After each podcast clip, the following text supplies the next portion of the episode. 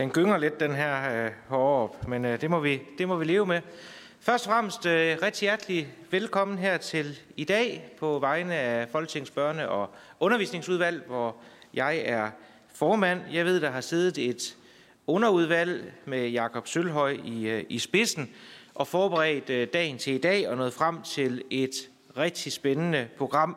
Og det er altid spændende, når man afholder sådan en høring her på Christiansborg, og se, jamen, øh, hvor mange kommer der egentlig til en, en sådan høring. Men jeg synes, vi kan være rigtig godt tilfreds med, at vi faktisk har fået 100 tilmeldinger til den her høring, og vi er også pænt fyldt op øh, herinde i salen i dag.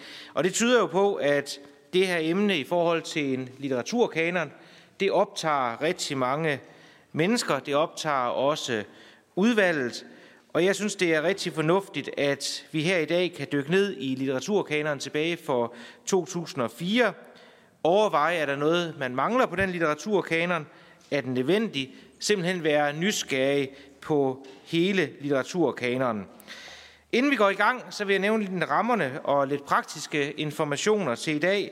Som I sikkert har bemærket, så har vi et meget stramt program, og derfor vil I også opleve, at jeg som mødeleder vil være utrolig stram i forhold til, at taletiden den overholdes, fordi gør den ikke det, så øh, når vi hverken øh, debat, eller vi når heller ikke alle indlægsholdere. Så jeg vil bede om at bære over med mig, hvis jeg bliver lidt stram, men det er simpelthen for, at vi når, når alle igennem, og vi kommer så fyldesgørende igennem dagen som overhovedet muligt. Høringen den er opdelt i to runder, og efter hver runde der er der afsat 10 minutter til opklarende spørgsmål fra oplægsholderen, og så til sidst så er der afsat en halv time til debat, indlæg og spørgsmål. Og det er sådan, at vi gør det lidt, lidt stramt i forhold til, at hvis udvalgsmedlemmerne de først har nogle spørgsmål, så er det dem, der kommer på til, til start, og så giver vi ordet frit i, øh, i salen. Høringen i dag den er åbnet, og øh, den bliver filmet. Og derfor vil vi også godt bede folk om, at hvis man tager ordet i dag, så gør man sig lige umage med at fortælle sit navn og hvor man kommer fra, så vi også efterfølgende, hvis der kommer noget, vi gerne vil have uddybet, så ved vi også, hvor vi skal ret henvendelse hen til. Derudover så øh, kan jeg sige, at der uden for salen her, der er der lidt, øh, lidt kaffe, lidt vand og lidt, øh, lidt kage. Og lige uden for døren til venstre, der er der toiletter. Og jeg har fået at vide, at selvom det er vores allesammens hus, øh, det her, så skal vi opholde os øh, her omkring. Øh, man må ikke selv gå på opdagelse i huset, selvom det er et, et meget spændende hus. Hvis der er nogen, der ønsker det bagefter, så kan det være, at I kan organisere det med et, et folketingsmedlem, så kan de uh, vise os rundt. Men uh, for god orden, så skal vi holde os uh, her omkring. Men så er der sådan set bare til, uh, til slut for mit vedkommende tilbage og ønsker os alle sammen en, en rigtig god og konstruktiv dag. Jeg er glad for, at der er kommet så så mange her i dag, og jeg synes, vi tager oplæggene nede ved, ved bordene, hvis det er okay med, med jer. Er der nogen, der vil herop og stå, så må I gerne. Men jeg kan sige, at, at den gynger lidt herop, så det er faktisk mere behageligt at sidde nede ved, ved bordene. Så der kommer jeg lige ned øh, nu. gynger så også her. Ja.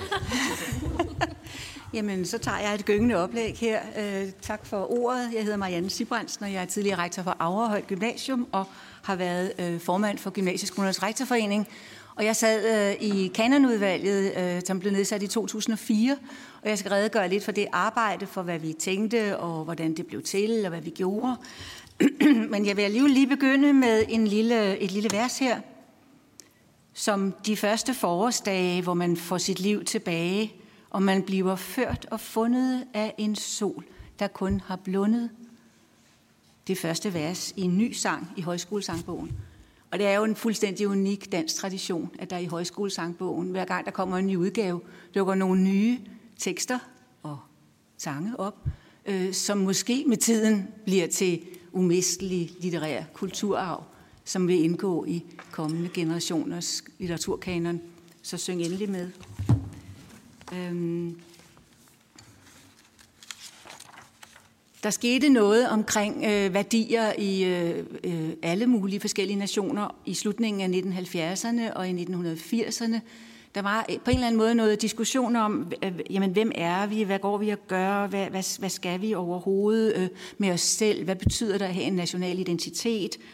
Og øh, der var en, en kulmination med Yale-professoren Harold Bloom, som udsendte sin vestlige kanon med det, som han kaldte for 26 umistelige forfattere.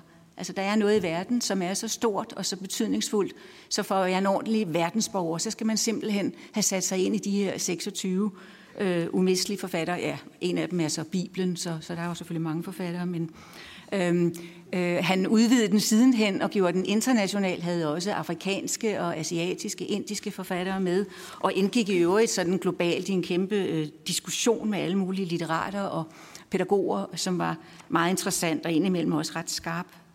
Øh, debatten kørte i de danske medier også, og nok også accentueret af, at vi i 1984 fik i det i danskundervisningen, som nogen kan huske, som hed det udvidede tekstbegreb, Øh, tidligere havde man læst efter antologier som Falkenstjerne, som jo egentlig var en slags kanon, hvor der stod de forfattere, som man forventede sig at læse, men nu skulle man læse alting, øh, reklamer og annoncer og pornoblade, og alting var tekster, og skulle analyseres og skulle på lige fod, altså opgives til eksamen.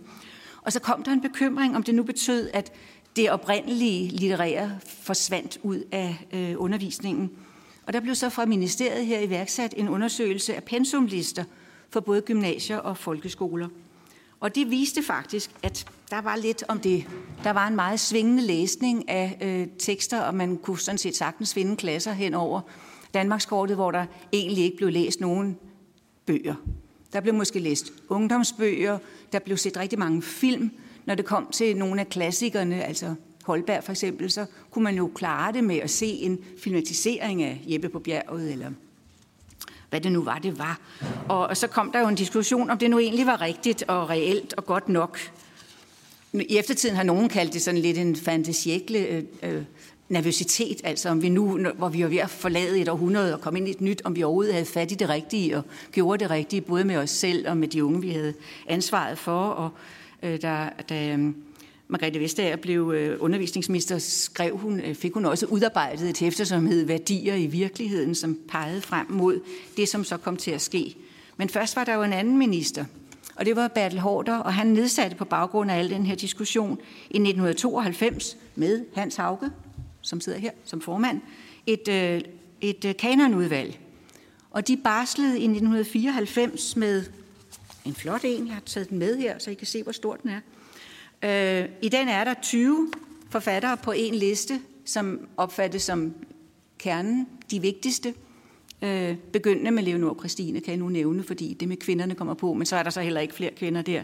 Men så er der en stor liste med 100, kvinde, med 100 forfattere, og der er rigtig mange af, af, af begge køn, og sikkert også spændende køn, og hvad det nu er, vi går efter i dag. Øhm, så, og så er der et helt forløb, øh, et undervisningsforløb, estimeret, hvad man kan nå fra 1. til 3. G, hvis man nu gør sig umage. Det var en øh, vejledende og inspirerende kanon. Den blev ikke forpligtende, den blev ikke, øh, det blev ikke lovstof. Det var, den var meget vendt til dansklærerne og til deres ansvarlighed, og til en, den diskuterede klassikerbegrebet rigtig meget. Øh, ja, undskyld. Ulla Tørnes udvalg, som så blev nedsat i 2004, havde så Jørgen Lund som formand, og vi skulle arbejde tjept, fik vi besked på, så der skulle afleveres samme år. Og det blev der også. Ja, kom jeg egentlig for langt frem? Øhm, og det var, øh, grunden til det var, at Ulla Tørnæs havde fart på, for hun havde indvarslet, at der skulle laves en gymnasiereform i 2005, og hun havde sat et stort arbejde i gang i folkeskolen om fælles mål, og hun ville gerne have de her lister med ind i det lovarbejde. Så, så derfor skulle vi aflevere allerede i 2004. Så kommer det her med krav til kanonlisten. Øh, den måtte ikke blive for stor, for den måtte ikke lægge beslag for, alt, for, for, for meget dansk undervisning. Altså, der skulle være frihed til at lave alt det andet, man også skal i dansk. Øh, altså 15 positioner, kan vi sige, men altså, det er jo kun folkeviserne, som, som tæller mange. Alle, der var på den liste, skulle have skrevet det, vi kalder kvalitetslitteratur, altså klassikere. Og det, en, en klassiker defineres for, at den er væsentlig for sin tid, men den har også værdi for sin eftertid. Den kan læses til alle tider, og den kan også fortolkes øh, af nye generationer og sige dem noget og sætte en intellektuel og vigtig øh, diskussion i gang i deres hoved og i deres klasser om, hvem vi er og hvad vi er og hvad vi kom fra, hvad vores sprog har udtrykt for os og udfoldet for os. Kanonlitteratur defineres som skønlitteratur øh, det var helt klart i tiden, sådan så man på det. Sådan var det også i alle de andre kanonlister, der blev lavet af både aviser og andre, der fandt på det. Det var romaner, dramaer, øh, noveller, digte, der skulle på. Selvbiografier havde ikke den valør på en eller anden måde. Selvbiografier anså man for noget mere privatlitteratur, og, og det, som vi taler om i dag med autofiktion, det øh, var ikke et begreb, der fandtes endnu, altså hvor man ligesom blander det fiktive og det selvbiografiske. Så skønlitteratur, og sådan havde det også været i Blooms øh, øh, kanon. Og listen skulle dække den danske litteraturhistoriske perioder, så vi skulle have noget stykvis sådan fra alle de forskellige tider. Og for at det ikke skulle blive øh, for uoverskueligt øh, med de mange nye, så skulle de have debuteret før 1965. Kanonbegrebet, som så blev brugt jo sidenhen også i Kulturministeriet, er jo en forpligtende rettesnor, som vi kender fra Bibelen. Der er de kanoniske tekster, og så er der apokryferne ved siden af. Øh, altså de, kanon betyder, at det er forpligtende. Der kan ikke vælges til eller fra. Der er valgt for en, og det, der står, er det, man skal læse. Øh, forfatterne på listen opfattes som nationaldigtere, altså som nogen, som har udmærket sig i særlig grad igennem. Det kan godt være, at de faktisk ikke er blevet anmeldt vidunderligt, dengang de kom, fordi de måske støttede imod nogle konventioner, eller turde skrive om nogle emner, som ikke lige var yndlings.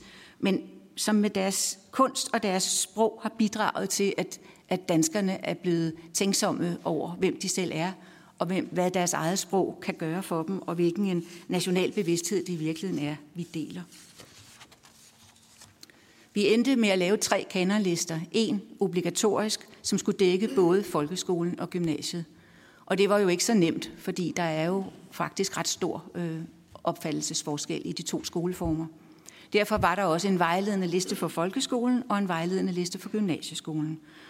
Og det er klart, at altså, nogle af dem, der har været meget diskussion om af forfatterskaber, de var jo på de vejledende lister. Altså for eksempel øh, Inger Christensen og øh, Søren Kirkegaard var på gymnasielisten, hvorimod øh, Tove Ditlevsen og Cecil Bøtger var på folkeskolelisten, fordi vi dengang anså, at der var de bedst placerede, og der ville introduktion til de forfatterskaber ligge bedst.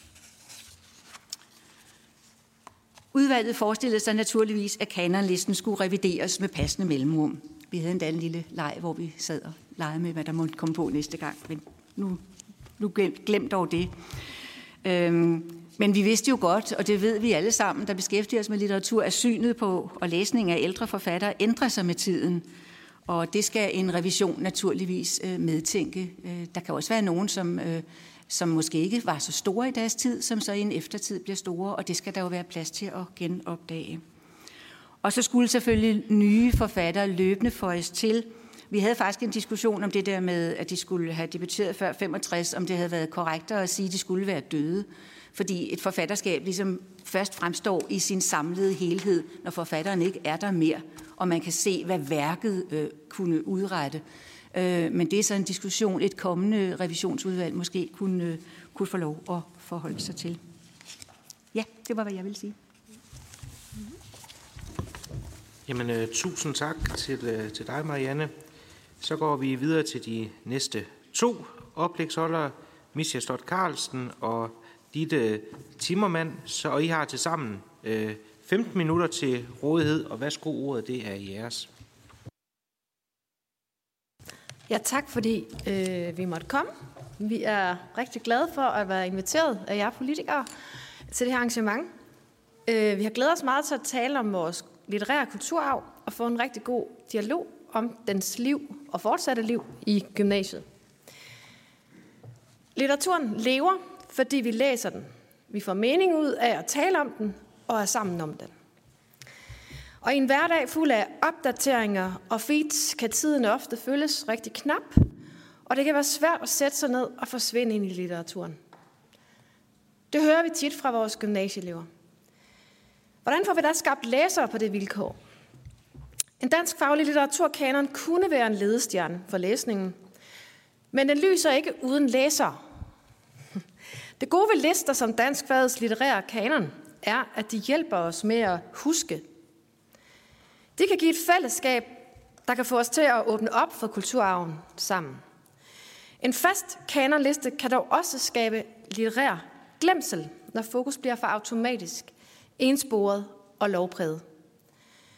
På den måde gør kanonen danskfagets litteraturundervisning til en løftet pegefinger i længden, så litteraturen stivner i sine folder. Og den bedste litteratur mener vi altså har fortjent bedre. Vi vil gerne kunne hæve os fra lovens bogstav til lovens ånd.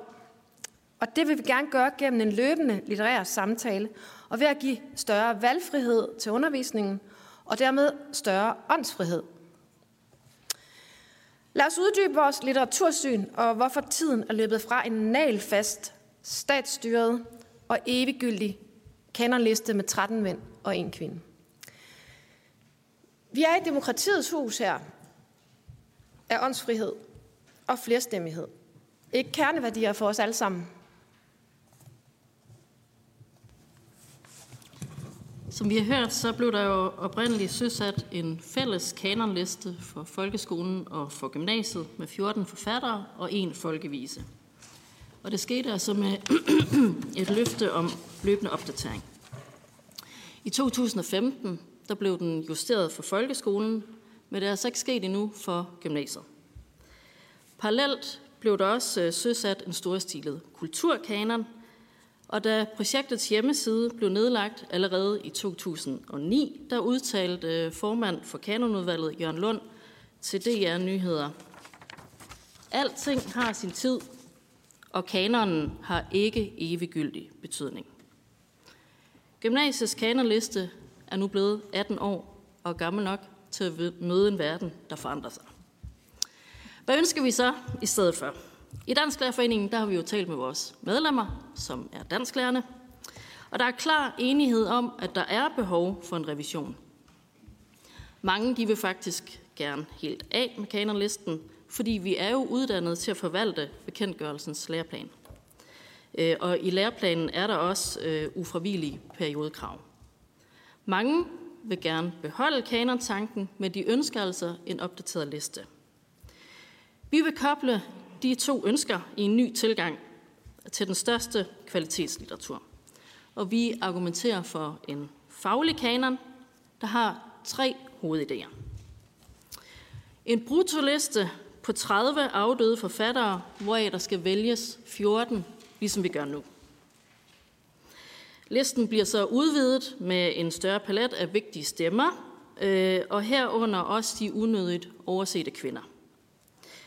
Læreplanernes nordiske elementer bliver også repræsenteret på den her liste, og vi får øh, periodemæssige spredningskrav, som vil sikre den litteraturhistoriske kvalitet. På den måde der får vi altså koblet tradition og frihed til at tænke relevans for den enkelte klasse. Øh, for det andet, så skal der være en solnedgangsklausul, sådan at listen udløber efter 10 år. Man forpligter sig altså på en løbende opdatering, og den skal selvfølgelig bygge på kvalificerede samtaler blandt fagpersoner, øh, og det kan jo være om ny forskning, nye udgivelser, genudgivelser og didaktiske vilkår i gymnasiets danskfag. Og en tredje ting, fleksibilitet over for virkeligheden i undervisningen. Vi tager problemet alvorligt med de dalende læsekompetencer blandt de unge, og så lægger vi op til at fremme læselysten og interessen for litterær kvalitet. Øh, og på den måde får vi elevernes perspektiv bedre inddraget i undervisningen. Så hvorfor er tiden da løbet fra den her liste, som er blevet præsenteret før? Øh, og hvad begrunder vores nytænkning? Det har vi tre grundlæggende svar på. For det første må man revurdere de pædagogiske hensyn bag listen. Hverken i den her liste fra 2005 eller her i 2022 har undervisningen kunnet komme nogen vegne uden at have blik for den konkrete gruppe af elever, som læreren underviser, øh, og hvordan den er sammensat. Det gælder fra Rønne til Ribe, fra Majbo til Morsø, og vi kunne fortsætte. Kenderlisten, som vi kender den i dag, øh, var underlagt pædagogiske hensyn, som tiden er løbet fra. Ligesom vores tid kalder på nogle nye. Hensigten med de her 14 på den oprindelige liste var, at de skulle kunne læses både i folkeskolen og i gymnasiet, altså den obligatoriske liste. Det var efter sine grunden til at udlade nogle af vores allerstørste forfattere, fordi de var for svære i folkeskolen. Jens Råhauke, som var medlem af kanonudvalget i sin tid, bekræfter i et debatindlæg i politikken, at den pædagogiske hjemmel for listen ikke holder længere efter folkeskolen, folkeskolens revision i 2015. Fordi vi ikke har den samme liste længere. Vi mener, at gymnasiets liste skal bestå af de største kvalitetsforfattere.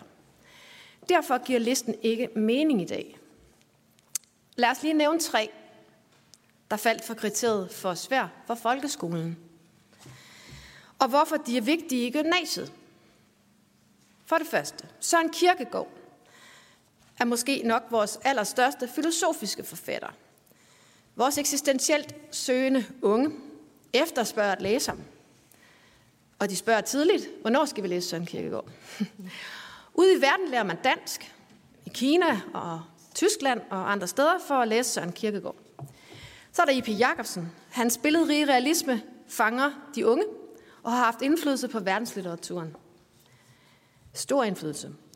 Og den tredje, Inger Christensen, appellerer til de unge med sine geniale systemdigte om menneskets forhold til naturen især. Hun var i spil til Nobelprisen i 1996 som den eneste i efterkrigstiden, uden Karen Bliksen. Kunne vi ikke blive enige om, at de tre er helt uundgåelige, når vi taler om kvalitetslitteratur i gymnasiet? Øhm. Ifølge Morten Hesseldal fra Kanonudvalget skulle kanonlisten fylde 25 procent af dansk stof. Der er derfor nødt til at være fleksibilitet, for faget er meget mere komplekst i dag. 25 procent er rigtig meget. I de seneste to årtier har medier og teknologier jo spillet en rigtig stor rolle, både for litteraturen og for, os, for vores fælles virkelighed. Det skal undervisningen også have tid til at vise i samspillet med fagets sproglige og mediemæssige dimension. Og samtidig kan disse aspekter også være med til at åbne op for en forståelse af de ældre tekster for nutidens unge. Ude i klasselokalerne er litteraturundervisningen ikke øde øer i et nationalt hav. Den er simpelthen forbundet med en større kontekst, som for eksempel elevernes studieretning, samspillet med andre fag, de lokale hensyn og de helt konkrete elever. Da brutolisten giver os 30 forfattere, altså den brutoliste, vi vil foreslå, at vælge ud af, er der stadig fleksibilitet til for eksempel at vælge Edith Södergran i stedet for Tom Christensen, eller omvendt, når den tidlige modernisme gennemgås, afhængigt af, hvad der passer bedst til undervisningen og elevgruppen. En større valgfrihed inden for kanonlitteraturen vil i højere grad kunne muliggøre undervisning, der kan inddrage elevernes perspektiv ved at spejle, uddybe og udfordre aktuelle problemstillinger i mødet med tidligere tiders tankesæt. For litteraturhistorien er aldrig hævet over læserens horisont. For det andet, så må man også erkende, at tendenser i nyere litteratur aktualiserer den litterære kulturarv. Og det giver ofte mening ude i klasselokalerne. Litteraturen den har altså udviklet sig meget de sidste to årtier. Lad os få et bredere litteratursyn og revidere vores litteraturhistoriske fortælling bagudrettet. For måske så læser vi også på en anden måde i dag, end vi gjorde omkring årtusindskiftet. De sidste 20 års litteratur har jo budt på meget øh, samfundsengagement og fiktionseksperimenter om aktuelle emner som for eksempel klima og miljø, køn, klasse, kulturmøder og kultursammenstød, teknologi, sociale medier, migration, flygtningekriser, sorg, psykisk og fysisk sygdom, pandemi og krig. Litteraturens og virkelighedens verden spiller sammen. Men den nuværende liste den er ufleksibel over for litteraturen og verden omkring os, som jo hele tiden forandrer sig. Den nyeste tids forfattere har også givet os en ny indsigt i de æstetiske kvaliteter, som lejen med autentisk stof giver. Autofiktion og exofiktion har fyldt meget, og i flæng kan vi nævne forfattere som Christina Hesselholdt, Karl Ove Knavsgaard, Jaja Hassan, Naja Marie Eid og Rakel Haslund Gjerrild. Kanonlisten fra 2004 mangler det her perspektiv, og det vil jo ellers have givet plads til kvalitetsforfattere som for eksempel Leonora Christina Ulfeldt, Amalie Skram, Karin Michaelis og ikke mindst Tove Ditlevsen, som jo er blevet stjerneanmeldt i udlandet. Som en del andre kvindelige forfattere har de nemlig trukket på hovedstolen og iscenesat det private. Er det ikke på tide at få repræsenteret det aktuelle perspektiv og udviklingen siden årtusindskiftet? For det tredje vil vi gerne nytænke tilgangen til litteraturhistorien og til måden, hvorpå den kanoniseres. Vi er inspireret af den amerikanske litteraturprofessor Harold Bloom, som allerede er blevet nævnt, og hans kanonbegreb. Vi vil koble det med en vidensarkeologisk tilgang til litteratursynet i dansk litteraturkanon. En hver historiograf ved, at historien hele tiden bliver til, og at dens kanonisering altid er forhandlet. Man kan se kanonen her, som vi allerede som vi har lige nu, som et artefakt om en tids måde at bevare et bestemt litteraturhistorisk forhandlet blik på. Det vil en ny litteraturhistorie, eller ny, ny litteraturkanon også blive. Derfor må en kanon aldrig blive eviggyldig. Brutolisten styrker valgfriheden. Med en indbygget solnedgangsklausul vil vi gerne sætte rammerne for en litteraturhistorisk samtale. Vi lægger op til løbende at revidere og tage stilling til afdøde forfatterstemmer, der har fået ny relevans. En kanonliste rummer de stemmer, vi skal fokusere på at huske. Samtidig risikerer vi at glemme andre. Med kanon, som vi kender nu, er der sket en glemsel, fordi de 13 mænd og den ene kvinde med tiden er blevet til en automatiseret og derfor åndsforladt tjekliste. Det har skabt et litterært tunnelsyn, at der til syneladende kun er de 14 litterære rockstars frem til 1960 eller 65, som så var det, der var den ideelle ramme. I kanonen fra 2004, som var der, den blev startet, er der en påfaldende mangel på kvindelige stemmer. Nogen bilder hinanden og offentligheden ind, at kvinder ikke skrev nævneværdig litteratur. Vi vil sige, at det er en malig og velbevaret løgn. Vi ser denne løgn reproduceret i lærebøger, som forsøger at give lærerne et kompas til at få det fag, øh, nå det faglige stof, der jo rummer meget mere end litteraturen. Er det der dannelse? Ja, bliver man et dannet menneske, når man ikke kender litteraturhistoriens kvindelige stemmer? Lad os da få lidt større flerstemmighed. Vi taler ikke om at erstatte den gældende listes navne med andre. Vi taler om at genoverveje den og supplere med 16 mere, og altså øge valgfriheden. Vi vil lægge op til, at fagpersoner kan blive enige om et passende udvalg.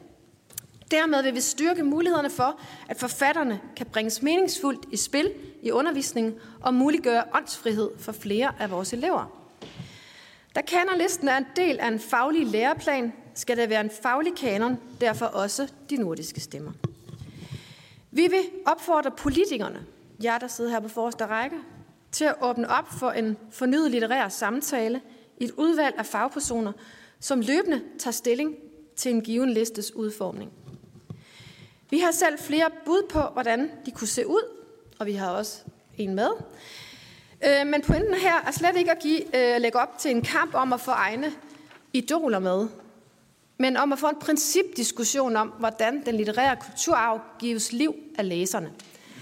Lad os få indfriet løftet om opdatering og evaluering, hvilket endnu ikke er sket her 18 år efter. Kanonlister må til enhver tid være udtryk for den største kvalitet, hvis de skal give mening. Vi har foreslået en variabel brutoliste, som rummer en solnedgangsklausul og fleksibilitet over for undervisning, hvor der er mere plads til at inddrage elevernes perspektiver. Centrale værdier er demokrati, åndsfrihed og flerstemmighed. Værdier, som jo klinger godt i det her hus. Hvad er formålet i al sin enkelhed? Jo, vi ønsker at skabe litterært dannede læsere – vi ønsker at fremme en undervisning, der kan give liv til den litterære kulturarv og dennes flerstemmighed af synsvinkler. Vi ønsker at styrke mulighederne for en litteraturundervisning, der kan plads til åndsfrihed og lyst til at læse mere af den ældre kvalitetslitteratur. Er det ikke netop den fineste opgave for os dansklærere? Mange tak for jeres opmærksomhed. Tusind tak. Så er det Alma fra DGS. Værsgo. Tak. Og tak fordi, at jeg måtte komme her i dag og give elevperspektivet. Jeg er jo repræsentant for de danske øh, gymnasieelever og synes, det er et enormt vigtigt emne. Øh, så tusind tak for indkaldelsen. Øh, jeg vil gerne starte med at fortælle lidt om, hvad, hvad vi tænker om danskfaget som elever, fordi Dansk er jo et helt enormt vigtigt fag i gymnasiet. Det er også et af de eneste fag, som er påkrævet, man har på A-niveau, altså det højeste niveau. Og det er jo fordi, at det på en eller anden måde skaber en forståelse og en læren om vores fælles kulturarv og vores historie og samspillet mellem nutid og historie. Det skaber også en litteraturforståelse øh, og hjælper os med at kunne tænke analytisk, tænke kritisk og være nysgerrig og gå ud og stille spørgsmålstegn til verden omkring os. Og så bidrager det til vores læselyst og vores læsefærdigheder, som jo netop åbner denne her verden. Og alt i alt bidrager det jo til den almindelige dannelse, og derfor er det så, så vigtigt at snakke om, hvad er det så, vi underviser i, og hvad er det, det indeholder. Og hvad så med den her øh, kanonisering, som er sket af dansk fag? Jeg synes, der er et dilemma i det, fordi på den ene side vil vi gerne have, at man får den samme almene dannelse alle steder uanset hvor du går på gymnasium. Om der står Fjerritslev eller Gefion Gymnasium bag på studenterhugen, skal ikke betyde noget for den kvalitet, man får med, eller den dannelse, man får med fra sin uddannelse. Og derfor er det jo afgørende, at vi på vores gymnasier helt grundlæggende har nogle fælles faglige mål og fælles kvalitetssikringer. På den anden side, så vil vi gerne have nogle gymnasier, som er frie, og nogle lærere, som har frihed. Vi kender vores lærers tårnhøje faglighed. Den mærker vi elever hver dag ude i vores klasseværelser. Og læselysten opstår jo også et eller andet sted i den faglighed. Når vores lærer finder på en skæv idé, en ny måde at læse eller fortolke en tekst på, og når læreren også udvælger noget litteratur, som er relevant for vores klasse, for den kontekst, vi sidder i, som vi kan bruge til at øh, relatere til samfundet, øh, til verden og til os selv. Så på en eller anden måde må vi finde en balance mellem den her tårnhøje nationale standard på vores gymnasier og frihed til skoler og lærere. Så er der et andet perspektiv, som jeg synes er vigtigt at inddrage, og det handler om medbestemmelse i undervisning for elever. Fordi man skal virkelig huske, at der opstår noget særligt i den situation, hvor vi elever har medbestemmelse over undervisningen. Læreren skal selvfølgelig altid være en autoritet med sin faglighed og vil altid have det sidste ord. Men i det samspil, der kan være mellem lærer og elever ude i klasseværelserne, som vi allerede oplever så kan man opnå en eller anden form for faglig samklang, øh, og også vigtigst af alt en demokratisk dannelse af elever, som udvider vores lyst øh, og nysgerrighed til at på litteratur. Og øh, jeg har taget et citat med fra noget af det baggrundsmateriale, der har været til den her høring i dag fra journalist Niels Thorsen, som skriver en kronik om kanonisering her i 1992, hvor man begynder at diskutere det. Øh, han er meget kritisk over for det, øh, og han skriver det her. Et litteraturudvalg, som bærer præg af elevernes forskellige baggrund og interesser, af lærernes personlighed og faglige indsigt, af praktiske begrænsninger, hvad kan vi nå, hvad ligger der i bogskabet, af, sammen, øh, af indvendinger, af hensyn og kompromiser, har værdi i kraft af sin sammensatte, sin rode og rodfæstede oprindelse. I det uendeligt små gennemspilles nogle af de store temaer i dansk folkestyre. Og selvom at vi selvfølgelig er kommet videre fra, hvad vi har i bogskabet i en digital verden, og det måske ikke er relevant på den måde, så synes jeg stadig, at det her citat er aktuelt, fordi det netop beskriver, hvad der kan opstå i den her undervisningskontekst, hvor både lærere og elever har frihed og inddraget. Fordi den demokratiske dannelse af elever opstår ikke kun, når vi lærer om demokrati. Den opstår også i det levede demokrati, som udspiller sig i klasseværelset. Og det skal vi bevare og værne om. Så er der også blevet rejst et spørgsmål om, hvorvidt der er nogle stemmer, som vi mangler i kanonen. Og jeg tror, det er vigtigt at sige, at kanonen skal ikke være et udsnit, der er præcist repræsentativt af befolkningen. Det skal ikke være sådan, at fordi der er så og så mange procent af den gruppe, så skal der også være det i vores kanon. Det skal heller ikke være sådan, at kanon udvælges på baggrund af, hvem der har skrevet det, øh, og, og hvad de, deres baggrund er. Men i stedet skal den afspejle vores kultur, arv og vores historie, og fortælle nogle historier, som er vigtige. Og på nuværende tidspunkt, så mangler vi afgørende historier og kultur. Fordi man kan ikke fortælle historien om vores land, ud fra kun halvdelen af befolkningens oplevelser. man kan ikke forstå det moderne gennembrud, uden også at forstå, hvordan kvinders vilkår var under det moderne gennembrud. For den historie står lige nu udskrevet i kanon. Så synes jeg i midlertid, der er et større og mere grundlæggende spørgsmål, som rejser sig øh, i den her debat. Og det er, øh, hvem der egentlig definerer vores fælles kulturarv, og hvad der er litterær kvalitet, hvad der er klassikere. Og kan en kanon nogensinde indbefatte det? Og er kulturarven, historien og litterær kvalitet ikke altid til forhandling? Jeg tror faktisk, at den forhandling i sig selv er vigtig, og at den ikke kun foregår her på Christiansborg og i udvalg, men faktisk også foregår ude i klasseværelset. Jeg tror, at at indgå i den diskussion og refleksion, og være uenig med sin sidemarker, være uenig med læreren, i sidste ende er almen dannelse. Og derfor så skal vi give gymnasierne og lærerne større frihed til at vælge relevant fagligt stof. Alt i alt vil jeg sige, at vi bakker op om Dansk Lærerforeningens forslag. Vi synes, det er en god idé, at man giver mulighed for større valgfrihed, men samtidig har en fælles forståelse om nogle af de vigtigste forfattere. Her skaber man nemlig netop en balance mellem en national standard og lokal valgfrihed øh, og mulighed for medbestemmelse blandt elever. Derudover vil jeg også fremhæve forslaget med en solnedgangsklausul, som er afgørende, fordi det dynamiske i kanonlisten er vigtigt. Fordi vores øh, historie og vores forståelse af historie udvikler sig og netop altid er til forhandling. Så skal vi revidere kanon, når det er relevant.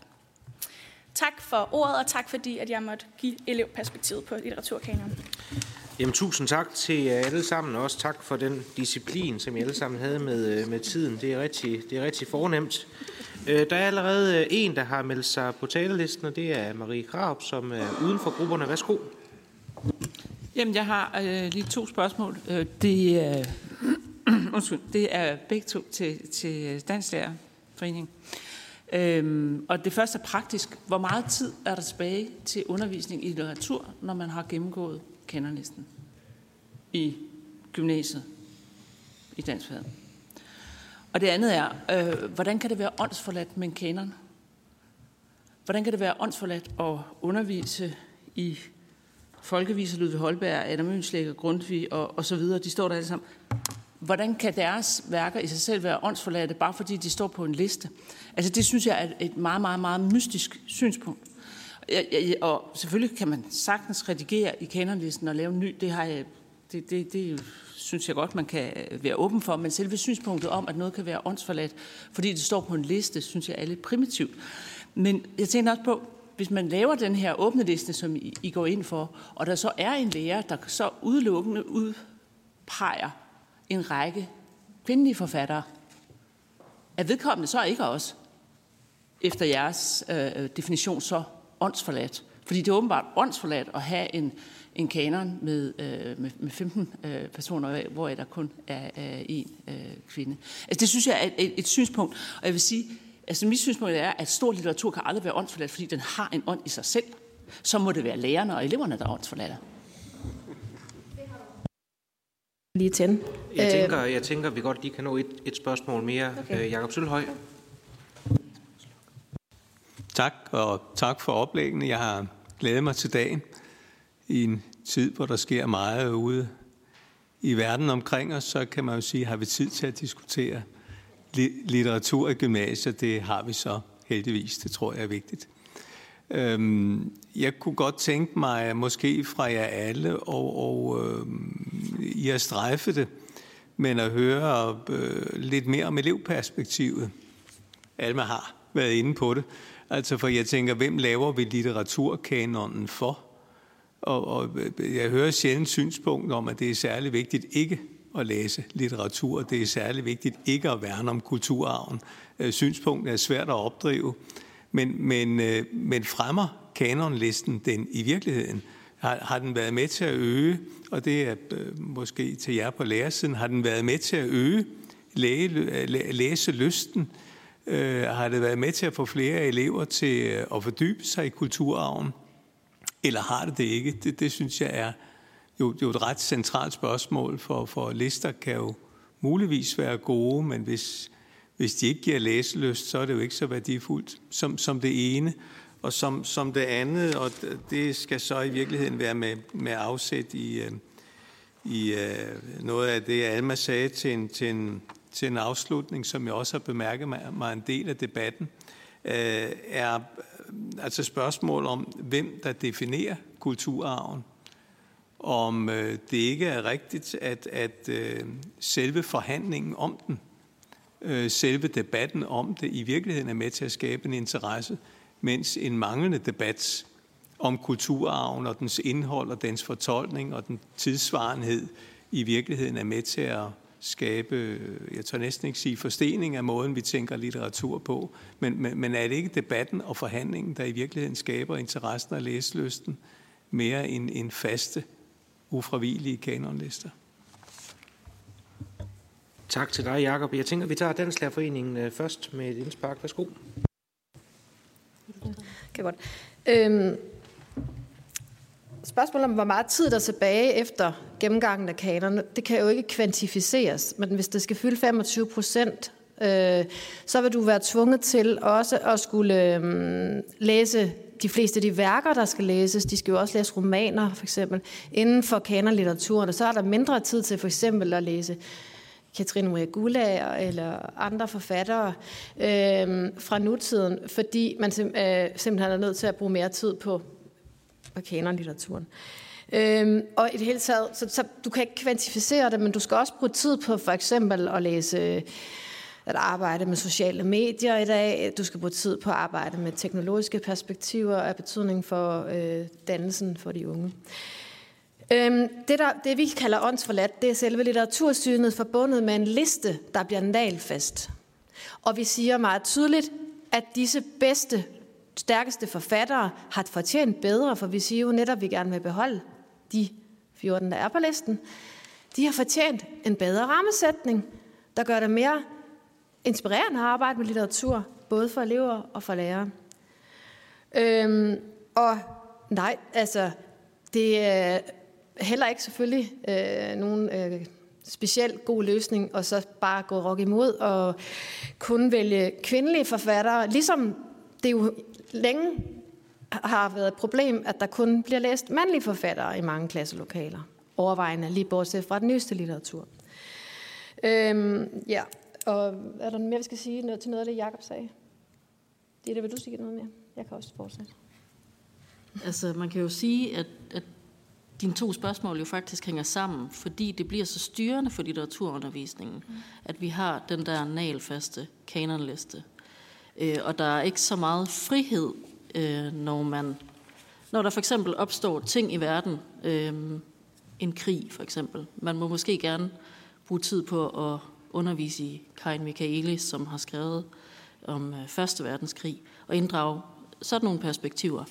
Det er måske der, vi ser det som det åndsforladte, når, når det er selve listen, der bliver så styrende for litteraturundervisningen.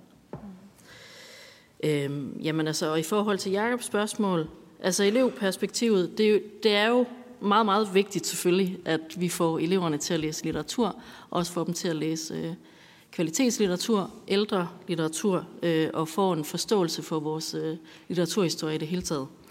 Øhm, og som vi jo sagde i vores oplæg, så, vil vi jo, så mener vi jo faktisk, at denne her kanonliste, som er så styrende for vores undervisning, ikke nødvendigvis skaber hverken læse lyst eller læse fordybelse, når den er på den måde. Og det er også derfor, vi ønsker, at der skal være en solnedgangsklausul, sådan at vi faktisk løbende kan drøfte, hvad det er, vi vil have på en kulturkanon, eller på en litteraturkanon. Vil du uh, supplere med noget, Lisa? Er der andre? Ja, altså jeg kan lige sige også, at, at, at, at hvem, øhm, om den fremmer læselysten, det kan den jo godt gøre, hvis der er en fleksibilitet, fordi det selvfølgelig også godt kan give, som vi siger, fællesskab og have, have, have en samtale 10 år ad gangen, hvor vi prøver nogle nye forfattere af. Så læser man måske Charlotte Dorothea Biel sammen med Ludvig Holberg og ser, hvad der kommer ud af det. Øhm, og så kan det være, at man efter 10 år tænker, at nu skal vi, øh, så er det nogle andre, der skal på. Ikke, ikke nødvendigvis en dem, men en, en, altså, at der er en vis fleksibilitet ind og ud. Øhm, og, og fremmer listen, øh, læslysten, det gør den da helt klart, men med fleksibilitet. Så er Marianne gerne sige lidt. Øh, ja, der er jo ikke nogen tvivl om, at den allervigtigste aktør i hele det her spil er jo dansklæreren. Og jeg kan godt forstå, hvorfor den første øh, Hauges øh, kanon henvendte sig så meget til dansklæreren og gerne ville have, at den der forhandling om kvalitet også skulle ske med den relevante lærer. For hvis ikke læreren brænder for at få formidlet det her, og for at eleverne skal synes, at det er helt fantastisk, så bliver det det jo ikke. Så jeg, på en måde forstår jeg ikke helt, hvorfor I ikke bare foreslår, at der slet ikke skal være nogen kanon, for det ligger ligesom hele tiden latent i jeres, sådan lidt, øh, øh, øh i jeres tilgang til det. Øh, jeg kan ikke forstå, hvorfor, øh, hvorfor man ikke skulle kunne udfolde øh, kvinders vilkår under det moderne gennembrud ud fra læsninger i Herman Bangs forfatterskab. Altså det er noget af det mest gribende for alle gymnasieelever at stifte bekendtskab med, med Katinka Bay, og de har aldrig forestillet sig, at de kunne leve sig så meget ind i stationsforstanderens kone, som står der fortvivlet og ser togene køre forbi i en øh, strøm og, og, og tilværelsen med, og simpelthen er så forkrampet i sin rolle, at hun ikke engang kan, kan erkende sin egen øh, forelskelseskraft. Og, og tilsvarende vil jeg sige, at, at for rigtig mange elever er det jo en, en enestående oplevelse at, at læse blikker. Øh, altså sådan en, en, øh, en, en historie som hosekræmmeren kan, også for nye elever, som er nye i vores kultur, kan fortælle dem, at, at vi har altså også været der en gang, hvor de måske nu er i deres kultur, hvor det med at få den som man har allermest her, er helt umuligt, og man kan blive både idiot og gå i døden for det. Så altså, jeg, jeg, synes, jeg kan ikke se, at kvinder ikke har været repræsenteret på strålende vis hos nogle af alle de øh, fantastiske mandlige forfattere, vi har, øh, og har været så heldige at have i Danmark. Men selvfølgelig er der jo, og jeg ved jo godt, at noget af det, der skuer, der, der er jo sådan et national konservativt syn i hele det her kanonperspektiv, øh, at, at man er bange for, at, at hvis ikke vi øh, lidt fra lovgivningsside Øh, fastholder, at noget faktisk er vigtigere end noget andet, så måske forsvinder det fra os, og måske så vi for længe den gale vej, og så, øh, så skete det bare lige puff, så var det helt væk. Altså min påstand er, nu øh, var jeg jo selv dansklærer i, i tiden, øh, altså jeg var jo også rektor allerede der, øh, da kanonen kom, men antallet af, af opgaver, som interesserede sig for, for de store forfatterskaber, steg jo, når eleverne havde mødt dem på en mere forpligtende måde gennem kanonlæsning. Det er jo sådan noget, man ville kunne måle på, kan man så også sige, hvis, hvis det var øh, et ønske. Jamen tak for det. Jeg ved ikke, om der er nogen i panelet, som vi ikke har hørt, der har noget. Alma, du blev i hvert fald nævnt ved navn af Jakob. Ja, øh, jeg tror, i forhold til det her med, hvad konsekvenserne er, øh, synes jeg, man kan mærke tydeligt øh, i det her med, når, når der er krav, øh, når læreren siger, at det her det skal vi jo igennem. Der sker noget i det, øh, i det rum, som bliver øh, demotiverende, både for lærere og for elever, og det er tydeligt for os at mærke.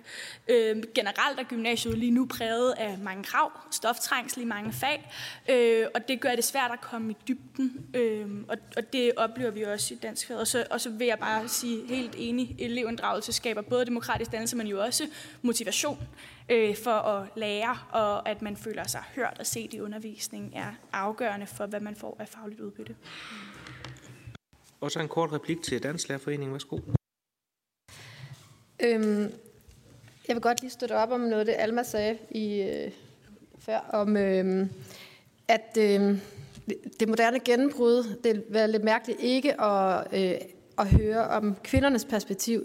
Jeg ser, hører det ikke som et eksempel på, at nu skal vi kun høre kvinderne. Øh, jeg synes, Katinka Bajs perspektiv hos Herman Bang er et rigtig godt eksempel på, hvordan det bliver repræsenteret øh, af andre end kvinder. Øh, det, der bare var rigtig godt, det er, at vi også kunne høre kvinderne, og at, der i højere grad gives plads til for eksempel Amalie Skram, eller det kunne også være der Ravnkilde. Øh, andre, som øh, også fra et andet perspektiv end, end mandens ellers rigtig gode perspektiv, øh, siger noget om, øh, at være menneske i verden. Og i det moderne øh, romantikken, jamen, der kunne der jo også være Thomasine Gyllenburg, der sammen med blikker kunne sige rigtig meget om at leve i øh, Biedermeier-tiden. Øhm, og det, det vi vil, det er ikke at tale om, at så skal vi erstatte blikker med Gyllenburg, men måske kunne man give plads til begge dele, og en vis valgfrihed. Øh, og, øh, ja, så det er ikke en kamp om pladsen. Det er øh, for at gøre det mere interessant at have dansk, og mere relevant at have dansk. Fordi dansk er et godt fag. Og med de ord, så skal vi videre til de næste indlægsholdere, og den næste, det er Lasse Kjeldgaard. Værsgo. Mange tak. Tak for ordet, og tak for indbydelsen. Jeg hedder Lasse Horne Kjeldgaard. Jeg er professor på øh, Syddansk Universitet og leder af H.C. Andersen Center. Så det er simpelthen mit job at få bragt H.C. Andersen ind i en hvilken som helst sammenhæng, jeg tilfældigvis måtte blive placeret i. Og det vil jeg også forsøge at gøre i dag, og det håber jeg, at I vil bære over med. Jeg skal sige noget om noget helt andet. Jeg har nemlig blevet bedt om at sige, hvilken gavn en obligatorisk litteraturkanon gør, samt hvordan den hænger sammen med skiftende litterære smagsidealer. Det har vi allerede hørt lidt om og hvilke overvejelser man kan gøre sig om en løbende revision af kanonlisten. Og det vil jeg forsøge at gøre, men lad mig først sige en lille smule om selve ordet. Kanon med tryk på første stavelse, som jeg tror stadigvæk er et øh, fremmed ord for de fleste danskere. Selvom det er en gammel term, så er det først fra omkring 1990, at den begynder at optræde på dansk med den betydning, som vi så selvfølgelig bruger her i dag, altså mindre samling af almendannende kulturelle værker, for eksempel inden for litteratur eller musik, udvalgt af et til formålet sammensat ekspertpanel, som der står i den udmærkede danske ordbog. Som jeg husker det, så var det også cirka på den tid, at man begyndte at bruge hvad hedder det, ordet kanon som adjektiv. Er det ikke rigtigt? Men jeg tror, det er en anden sproglig udvikling, som, øh, som kører parallelt. Kanon var et ord, som kom i vælten sådan for alvor i 1992, efter at daværende undervisningsminister Berl Horter havde holdt et soremøde over temaet det almene. Og Horter var dengang anfægtet af, at han engang havde mødt en dansk lærer, der ikke underviste i Søren Kierkegaard, fordi Kirkegård ikke sagde hende noget. Og derfor var der, mente Hårder, behov for en kanon for en forpligtende liste over forfattere, som danske elever skulle stifte bekendtskab med, og på den baggrund blev det første kanonudvalg nedsat i efteråret 92 med min udmærkede kollega Hans Hauge som formand. Helt oplagt er det, at inspirationen til det her initiativ kom fra den amerikanske kulturdebat. Ja, for de amerikanske kulturkrige, som de blev kaldt i 1980'erne. Det er jo ofte fra USA, at vi importerer vores debatter og vores problemer. Men undervejs over Atlanten, så sker der jo tit noget uventet og interessant. Det gjorde der i hvert fald med den første danske debat om kanonen. Argumenterne for kanonen ændrede sig nemlig, og konsekvenserne blev nogle andre, end de gjorde i USA. Lad mig lige kort forklare, hvad jeg mener. De to store amerikanske kanonforkæmpere hed begge Bloom til efternavn. De var født i samme år, men de var ikke familie, og de havde ikke meget til fælles. Den første, Alan Bloom, udgav i 1987 bogen The Closing of the American Mind, hvor han slog et slag for nødvendigheden af at læse The Great Books, som han kaldte det, centrale tekster i vestlig litteratur og filosofi for at udvikle evnen til at tænke selv, ikke mindst til at tænke selv over moralske problemer. Den anden, Harold Bloom, han udgav, øh, han lavede først en liste, så udgav han i 1994 den store bog The Western Canon, og han gav ikke meget for det, han kaldte for højreorienteret kanonforsvarer, som vil bevare kanon for dens angivelige og ikke eksisterende moralske værdier. Citat slut. Hans liste, eller hans kanon, det var en liste af litterære værker fra Europa og USA fra oldtiden og frem til cirka 2. verdenskrig, og kriteriet for hans udvalg, det var primært æstetisk. Da kanondebatten så kom til Danmark, så skete der noget påfaldende. Hovedargumentet for kanon blev ændret. Det var ikke længere moralsk eller æstetisk, men først og fremmest nationalt. En kanon kan faktisk beskytte, og det kan lyde underligt, mod en æstetisering af litteraturfagene, skrev Hans Hauge for 30 år siden i Berlingske Tidene. Visse tekster skulle læses ikke nødvendigvis, fordi de var gode, men fordi de var danske. Uden en kanon forsvinder dansk litteratur, hævdede Hans dengang. At det var altså det identitetspolitiske argument for kanon, og det er jo virket, fordi dansk litteratur er her endnu, kan man øh, konstatere.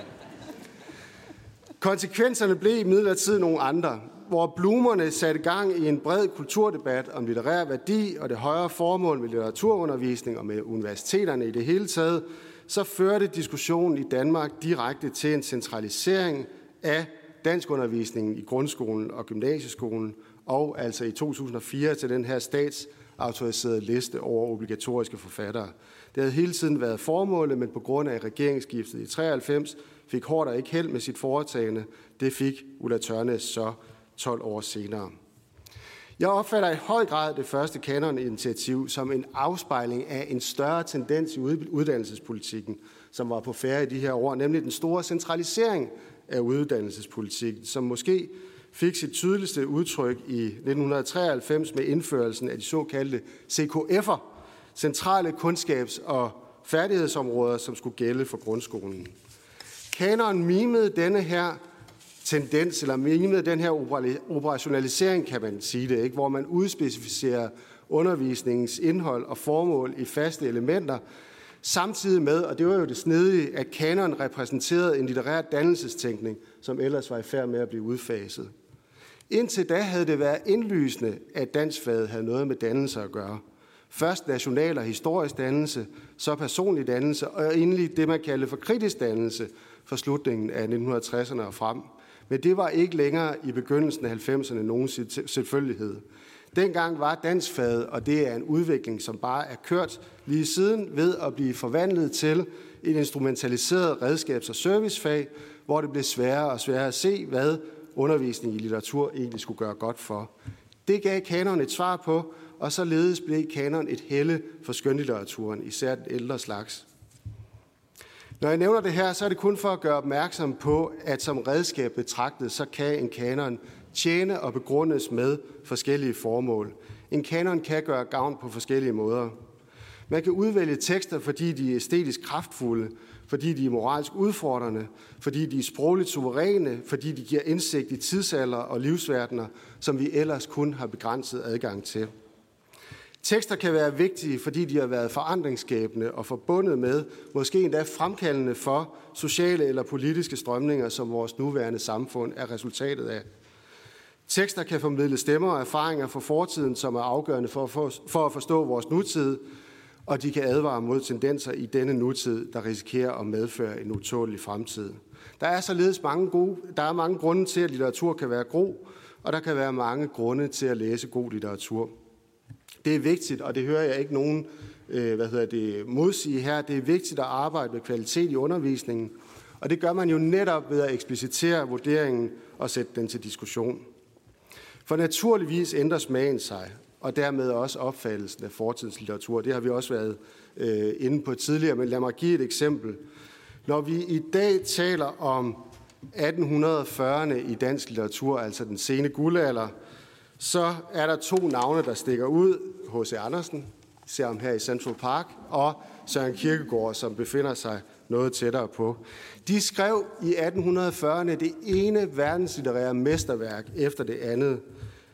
Men helt op til 1800-tallet, altså helt op til slutningen af 1800-tallet, der var der kritikere, der mente, at de største forfattere i 1840'erne, det var Johan Ludvig Heiberg og Frederik Paludan Møller.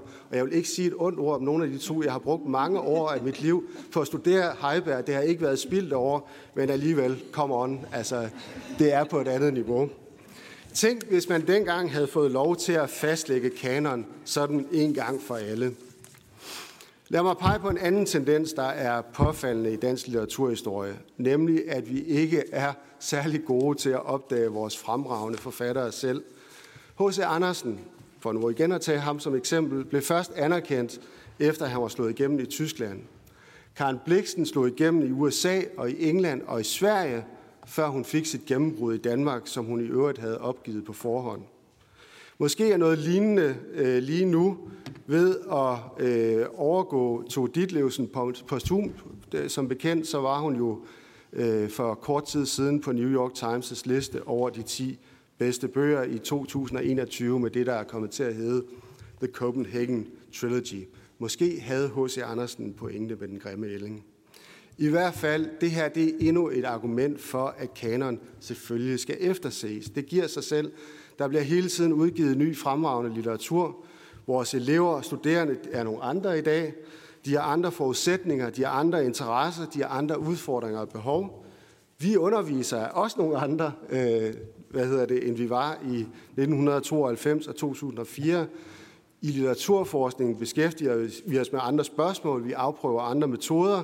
Forskningen udvikler sig præcis sådan, som den skal gøre. Dansfaget er ikke en religion, som en gang for alle kan afgøre, hvilke skrifter, der er ægte og uægte.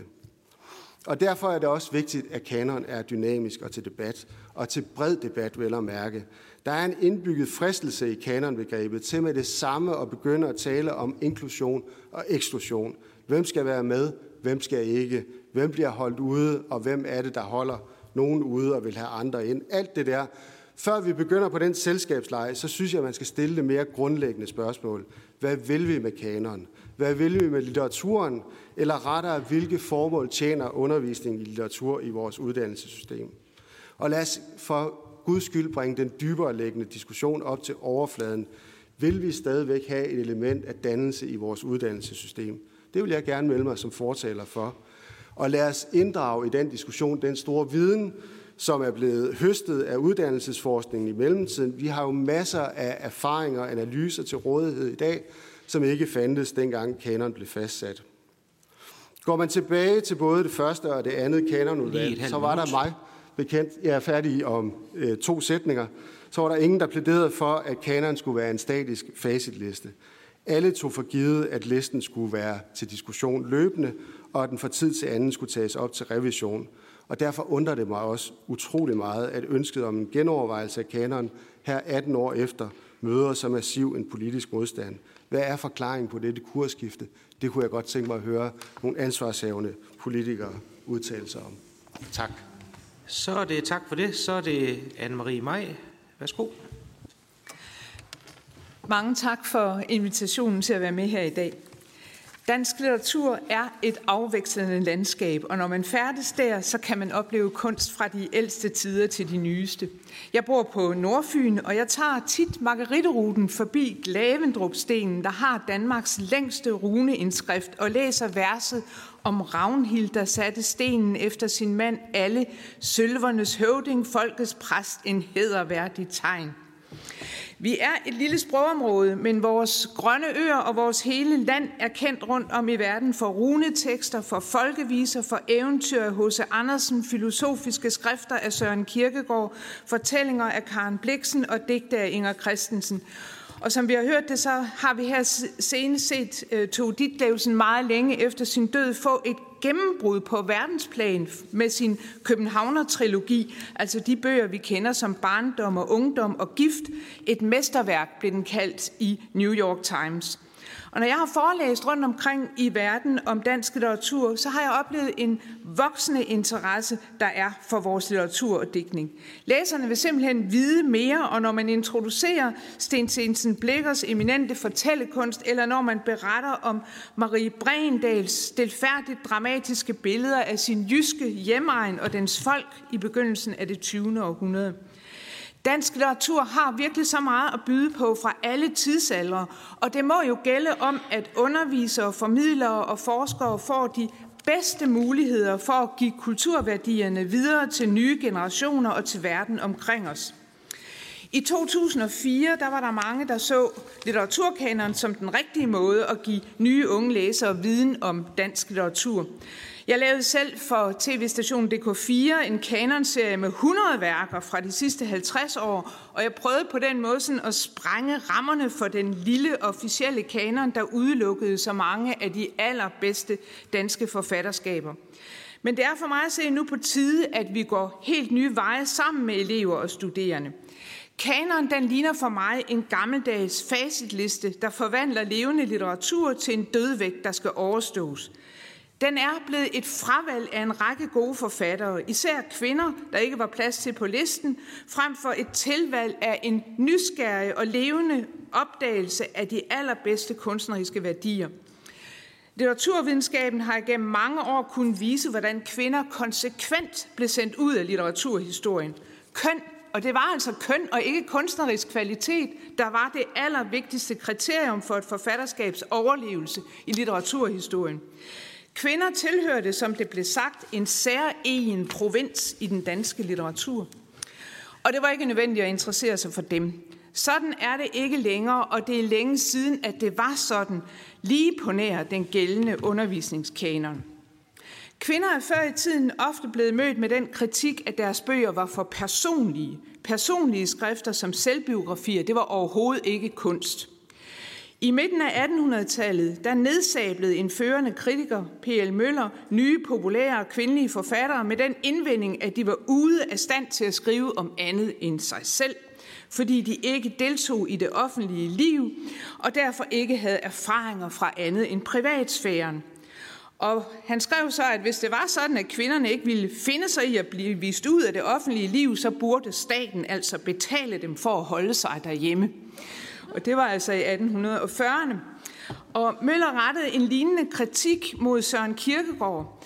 Øh, han skrev om Kierkegaard, at han brugte alt for direkte sin personlige historie. Møller kaldte ham en slags engelsk klovn, en udlevet olding, og hans værker var formløse. Og den her kritik, den fortsatte altså frem i det 20. århundrede og ramte både Tove Ditlevsen og Vita Andersen. Tove Ditlevsens gift fra 1971 blev rost i høje toner af en række kritikere.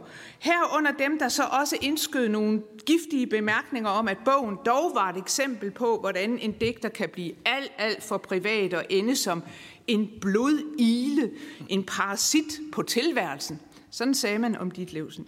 I starten af 80'erne, der kaldte en førende mandlig kritiker og forfatter Vita Andersens novellesamling fra 78 et fuldstændigt klaustrofobisk privatanlæggende, mens en kendt forfatter erklærede hendes bøger for forfladet klynkestil. Og det har jo heldigvis ændret sig efter, at selvbiografi og autofiktion har grebet alle aldre og køn. Der er næppe nogen, der vil udelukke Jaja Hassan eller Kim Leine af litteraturhistorien, fordi de har skrevet om deres personlige oplevelser.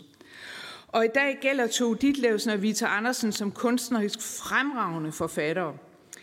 De senere år har desuden sat turbo på genudgivelsen af en række af de vigtigste forfattere, både fra 1700-tallet og 1800-tallet, fra det moderne det folkelige gennembrud af deres fremragende kunstnere, som for eksempel en af vores få virkelig verdensberømte digtere, nemlig Karin Michaelis, der er blevet genudgivet i flere omgange, Agnes Henningsen og Marie Brendal, som jo lige nu er hendes øh, mest berømte fortælling, er blevet filmatiseret. Der er lyrikere som Bodil Bæk og Tove Meyer og Hulda Lytken, der bliver genopdaget af nutidens helt unge forfattere. Både litteraturstudierne og skønlitteraturen har for mig at se banet en vej for en helt ny dialog med fortidens kulturværdier, og det er den dialog, vi skal have frem i undervisningen i dansk litteratur. Alt for længe har vi arbejdet med en kanon, der udelukker litteratur, frem for nysgerrigt at opdage og spørge til god litteratur. I min ungdom, min længst svundne ungdom, dens tyskundervisning, der gav læreren os elever muligheden for at vælge, om vi skulle arbejde med Goethes Den unge hverders lidelser, eller vi skulle læse Faust. Og øh, ja, nu kan I jo så selv prøve at gætte på, hvad det var, vi, vi endte med at vælge. I hvert fald så læste vi om værkerne, og vi udspurgte læreren frem og tilbage. Og så til sidst så fik vi jo lov til sådan at sammenfatte diskussionen og vælge, og vores argumenter blev altså taget alvorligt. Og jeg tror, det er meget vigtigt, at ansvar og frihed og engagement er ledestjerner i skolernes og universiteternes arbejde med litteraturhistorien. Selvfølgelig skal vi sørge for at komme godt rundt om de forskellige tidsalder, men vi skal også give elever og lærere frihed til at vælge mellem mange gode muligheder og arbejde sammen om at fordybe sig i vores litteraturhistorie. Det er på høje tid, der bliver rettet op på fortidens grove forsyndelser over for de kvindelige forfattere. Men det virker på mig fuldstændig bagvendt, at man vil rette op på et fravær af nogle gode værker og forfattere i undervisningen, ved så at trække andre fra i det kanoniske facit. Et tilvalg af Tove Ditlevsen, det skal da ikke sende Peter Seberg ud af kanon. Det er jo en fuldstændig forkert og mærkelig tankegang. Jeg øh, vil anbefale en model med en ministeriel liste over et vist antal forfattere, de allerbedste forfattere, man kunne sige dem, der er debuteret før år 2000, og så frit vælge et bestemt antal, eksempelvis 15 forfattere, som man læser en tekst af, og det skal selvfølgelig ske under hensyntagen til gymnasievejledningens fordring om historisk spredning. Listen skal udarbejdes af fagfolk og forfattere og jævnligt revideres. Vi har virkelig veluddannede gymnasielærer, og de er selvfølgelig i stand til meget gerne sammen med eleverne at vælge fra listen, sådan at kvinderne ikke bliver droppet som på den gældende kanon, og at mange forskellige stemmer i dansk litteratur kan bringes ind i undervisningen. Jeg tror, at lærere og elever sammen vil lægge nogle fuldstændig skønne margariteruter gennem det danske litteraturland, hvor man kan Vær nysgerrig og nytænkende og opleve levende ord. Tak. Tak for det. Så er det Hans Hauge. Værsgo. Har køn eller anden identitetsmæssig baggrund, altså race og etnicitet, betydning for litterær kvalitet? Ja, det må man sige i høj grad. Kanon derimod har ikke noget at gøre med litterær kvalitet – så derfor har køn eller anden identitetsmæssig baggrund heller ikke, men man kan ikke udelukke, at de vil få det i fremtiden. Kanonlitteratur eller kanonens litteratur er et rent sociologisk begreb. Klassiker er et kvalitativt æstetisk begreb. Staten støtter som bekendt øh, litteratur i Litteraturrådet, og ikke fordi den har litterær kvalitet, men fordi den er på dansk. I USA og Kanada er derimod kanon ændret radikalt, fordi de har skiftet hvide forfattere ud med afrikansk, amerikanske og First Nations litterater. Kan vi gøre det samme med ældre dansk litteratur? I så fald skulle den inddrage norsk, grønlandsk, vestindisk og færøsk litteratur. Og så er der det helt særlige ved dansk litteratur, at den begynder med islandske sagaer, altså med kolonilitteratur. Det kaldes skandinavisk orientalisme. At etnicitet og litterær kvalitet hænger uløseligt sammen, var Jaja Hassen et anskueligt eksempel på. Dansklærerne var begejstrede, ikke fordi hans digte havde kvalitet i sig selv, men fordi man ikke kan skelne mellem etnicitet og kvalitet. Hans digte var gode, fordi han var indvandrer. Det samme var tilfældet i Norge med et lignende eksempel, som måske nok kun dansk lærer kender til. En meget berømt Bertrand Besiks digtsamling, og du dør så langsomt, at du tror, du lever, som kom allerede i 1993. Det blev en af de få norske digtsamlinger, der blev en bestseller. Han var fra Uganda. I dag læses jo også med stor interesse Nivia Corneliusen.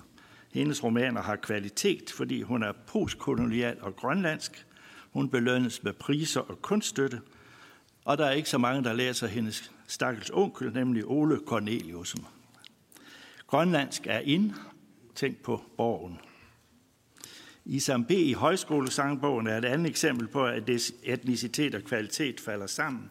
Havde han ikke været muslim, ville sangen være dårligt. Netop nu er der meget en omtale af Heider Ansaris digtsamling, institutionaliseret, som Søren Jacobsen Dam skrev om i Berlinske, at digtene ikke havde den store kunstneriske kvalitet, og så fik den fire stjerner. Dam forsøgte forgæves at skelne mellem kvalitet og etnicitet. Der var allerede en kanon, der jeg gik i skole i Hirtshals, men det blev ikke kaldt kanon dengang. Dansk litteratur begyndte med folkeviser og nåede det absolute højdepunkt med Jeppe Aukær, Maria Brendal og Johan Skjoldborg. Nu var selv husmænd kommet ind i dansk litteratur, og så var dermed den historie til ende. Man ville på sin tid lave et akademi i Danmark med de såkaldte 17 udødelige, og politikken lavede i 1928 en afstemning om, hvem var den bedste forfatter i Danmark, og det var Jeppe her, der toppede. Og dernæst kom lidt længere ned Johannes V. Jensen, Henrik Pontoppidan og Johannes Buchholz. Ja, Johannes Buchholz. Og lidt længere nede Skjoldborg, Tør Larsen og Tit Jensen. Det var de samme, der stort set var kanon i Hirtshals 1964. På gymnasiet i Jørgen, så forsvandt de alle sammen på nær Tør Larsen, men det var fordi vores rektor havde skrevet en bog om ham. nu var tekster og tekstanalyse sagen Rifbjerg og Jørgen Sonne, og så fordi det var Jørgen også Knud Holst. Og de var alle sammen så vanskelige, at vi skulle have tekstanalyse. Nu, som du har sagt, er Marie Bredendal dukket op igen, øh, fordi hun er kvinde, og Pontoppidan, fordi han er på film. I modernisme litteraturpædagogikken var teksten i centrum, og biografien var væk. Vi læste ikke Herman Bang, fordi han var bøsse, det hørte vi slet ikke noget om. Vi så kun på teksten, og eleverne de skulle dengang lære at skælne mellem god litteratur og dårlig litteratur. Dengang var det litteratur, der blev evalueret, og ikke lærerne. Hvorfor var Inger Christensen bedre end Gitte Henning? Jo, den første kunne lave nye metaforer, det kunne den anden ikke. Formålet med litteraturundervisningen var også at redde litteraturen fra massekulturen. Det projekt slog fejl. Bongotrummerne og Beatles kom ind på gymnasierne. Høj og lav litteratur blev ligestillet. Det var det, der hed postmodernisme. Modernismens litteraturpædagogiks tanker om at adskille forfatter og tekst, den går slet ikke i dag. Hvem kan adskille Jaja Hassan eller Ansari eller alle andre forfattere fra teksten? Vi kan tænke på, alle de tyske og danske forfattere, som var nazister, er af den grund helt væk. Hvem læser i Danmark? Olga Eggers, selvom hun er kvinde. Knud Hamsun er på vej ud af norsk litteratur, og snart ryger russisk litteratur vel også ud. Altså forfattere glider ud, og andre kommer ind på grund af køn, race og identitet. Men i hvor høj grad det som også i, som i USA er tilfælde med fortidens forfattere, det er mere tvivlsomt. Jeg ved godt, at man overmaler Holberg Buster i Norge, men må ikke han overlever trods alt. Hvordan kunne Jeppe Aukær de andre reddes? Og det har vi været inde på midlet. Det var en kanon i, øh, på det tidspunkt i begyndelsen af 90'erne, kendte ingen ord. Det behøver jeg ikke gentage. Ideen om den første danske kanon, det var faktisk Inger Christensens mands, det var Paul Borums. Og ideen om den anden kanon, det var faktisk Tage Skov Hansens.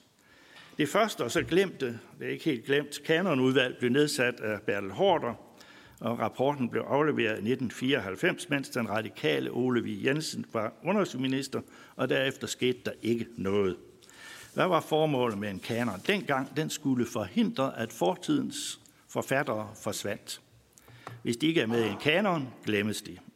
Ingen ligger og hører øens lærer på Mofibo. Kanon skal eller skulle bevare den litteratur, der ellers ville gå tabt. Og på den måde er kanon æstetisk, fordi æstetikkens funktion er at bevare det, som ikke, der ikke længere er brug for. Og hvorfor er der ikke det? Fordi litteraturen ikke længere skal bruges til at nationalisere bønderne eller børnene med. De er allerede nationaliseret og taler faktisk dansk. Det næste kanonudvalg det blev til på et møde, som Anders Fogh Rasmussen afholdt på Marienborg. Taskov Hansen indledte mødet med at sige, hvornår får vi den kanon? Det var slet ikke det, mødet skulle have handlet om, men både uh, Brian Mikkelsen og Bertel Hårder var til stede, og de blev meget interesseret igen, fordi de vidste, at Ulla Tørnes ville ikke have en kanon. Og hun var heldigvis ikke med på mødet. Resten af historien kender vi. Der kom en masse kanonere. Debatten i forbindelse med den første kanon var blandt andet, om der ville blive plads til arbejderlitteraturen. Hvad med Harald Herdal, blev jeg spurgt på et møde på et gymnasium i Randers, hvor en masse vrede dansklærer var forsamlet. De var dog mere vrede på Bertel Hårder end på kanon. Dengang var køn helt fraværende, men klasse var ikke. Øh, og der fandtes indvandrere, men de var ude i virkeligheden. Kanon rejste dengang spørgsmålet om repræsentation. Og det er et ord, der bruges jo dels i litteraturteorien og dels i den politiske teori. Tit bliver de to betydninger af repræsentation blandet sammen. Kanon er ikke et folketing. Vendsyssel skal repræsenteres i Folketinget, men ikke i en kanon. Og man kan ikke forlange repræsentation af digterne omkring Limfjorden eller Region Nordjylland i en kanon. Heller ikke køn og etnicitet. Kanon begyndte, det har vi hørt om, under Ronald Reagan i forbindelse med kulturkrigene. Og dengang kom der noget meget vigtigt frem, som ikke har været op endnu, at kanondebatten, og jeg ser bort fra Blum, kanondebatten handlede slet ikke om, hvilke forfattere, der skal læses, men det centrale spørgsmål er, om litteratur kan fastholdes som det centrale dannelsesmiddel i skolen. Når man diskuterer alle disse ting, repræsentation og hvem skal med og køn, så går man nemlig ud fra en præmis, som man ikke sætter spørgsmålstegn, nemlig at litteratur i sig selv har værdi. Men hvad nu, hvis den ikke har værdi i sig selv? Dansk litteratur var vigtig, fordi den bidrog til den nationale dannelse. Latin og græsk litteratur var vigtig, fordi de bidrog til den klassiske eller fælleseuropæiske dannelse. Men hvad med i dag? Den nationale og det klassiske er forsvundet fra nuværende dannelsesdebat, der kun handler om det almene, som er et luftigt platonisk begreb hævet over tid og sted, og som ser bort fra litteratur som dannelsesmiddel. Altså, kanondebatten handler ikke om, hvilke forfattere der skal med, og hvem der ikke skal med, men om litteratur skal med. Ja, jeg Hassan, Livia Corneliusen eller Heide Ansari læses jo ikke, fordi de skriver litteratur, men på grund af deres etnicitet. Så jeg gentager, kan det lade sig gøre at fastholde litteratur i det hele taget som det centrale i dannelsen, eller skal litteratur erstattes af noget andet? Det er for mig at se det vigtigste spørgsmål i kanondebatten. Tak. Tak for det. Og så har vi lige øh, lidt kort tid, hvis der skulle være nogle opklarende spørgsmål fra politikerne. Jeg ved, Alex Arnsen har bedt om at få ordet. Værsgo, Alex. Tak for fremragende indlæg, uh, inspirerende indlæg. Kanoniske værkers største ven er jo tiden, men det er også den største fjende. Samtiden kan jo sjældent vurdere, hvilket værk, der på sigt bliver øh, vejet eller blivende. Men det er også dens fjende, fordi risikerer, at et klassisk værk, et litterært værk, forsvinder. Den eneste måde, vi kan have fastholdt dem på, det er jo ved hjælp af en kanon. Så mit spørgsmål er, uden en kanon, så vil de gamle jo forsvinde. Og det er jo egentlig mest til Hans Hauge og til Lasse Horne, så alle ikke får lov til at svare. Beklager.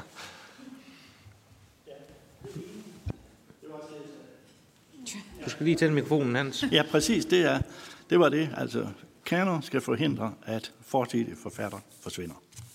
Og hvis der ikke er en kanon, så forsvinder de.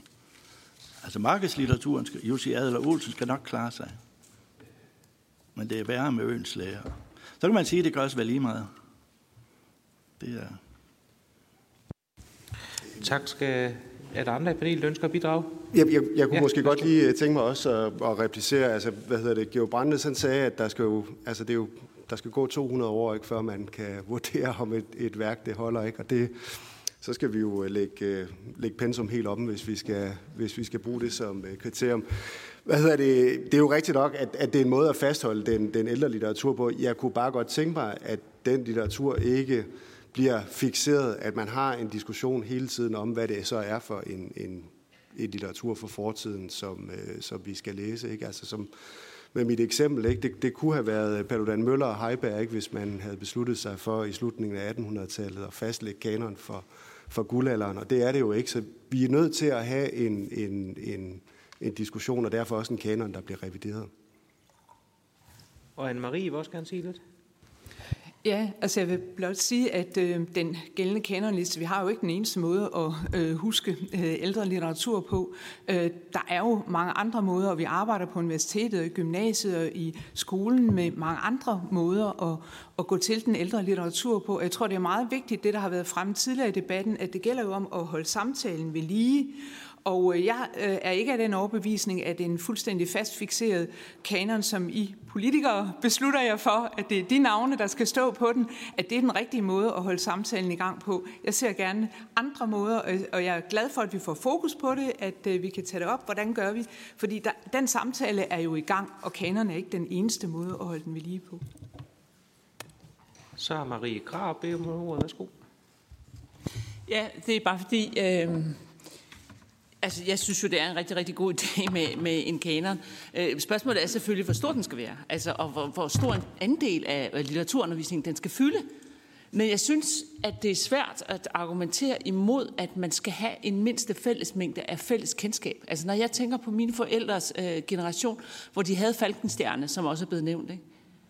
Øh, og, og jeg kan huske, at, at jeg selv har læst den igennem, og, men også har, har glædet mig over, at øh, når mine forældre var sammen med deres jævnaldrende, så kunne de referere til den. Og de kunne meget af den uden ad. Ligesom mange af os øh, kan dele af Folkehøjskolesamboggen øh, uden ad. Det er jo et, et, et fælles udgangspunkt mellem folk, der har taget en, en studentereksamen, som er meget, meget værdifuldt. Så jeg vil godt høre, altså er der nogen, der kan argumentere imod, at vi er nødt til at have et fælles kendskab til nogle tekster øh, i, i Danmark. Og jeg siger ikke, at man kun skal have de tekster, fordi der kan jo selvfølgelig godt... Altså, jeg synes også, det skal være dynamisk. Selvfølgelig skal det da det. Altså, det skal jo være totalt øh, låst. Men er der nogen, der har et argument imod, at vi alle sammen skal kende den grimme ælling, eller øh, øh, øh hvad der nu, nu eller, ellers er af, af vigtige ting, øh, guldhornen eller, eller, eller andet. Fordi det har, jeg, jeg har rigtig svært ved at finde et argument imod, at vi skal have den mindste, øh, eller have den fællesnævner. Jeg tror lige, vi også når et spørgsmål mere. Jakob Sølv har markeret også. Værsgo, Jakob. kunne godt tænke mig at høre, høre dig, øh, Lasse. Øhm, jeg, jeg var i tvivl, da dit oplæg var slut. Øhm, tænker du, at øhm, det vil være rigtigt? Altså, jeg har forstået en fast kanon, det er ikke din kop te, det er jeg enig i. Men, men hvad er det rigtige svar? Øh, er det, at vi får sådan en mere fleksibel kanonliste, som der er peget på? Eller behøver vi overhovedet kanonlisterne? Øh, hvis vi har de her ufravigelige periodekrav, øh, har vi så overhovedet brug for dem? Og, og så til, til Anne-Marie, måske lidt, lidt i uh, Maries spor. Jeg er ikke sikker på, at Marie og jeg, altså jo, jeg er ret sikker på, at Marie og jeg nok ikke er så enige om, hvad, hvad, hvad vi skal. Men, men ikke desto mindre det her med at have en fælles reference.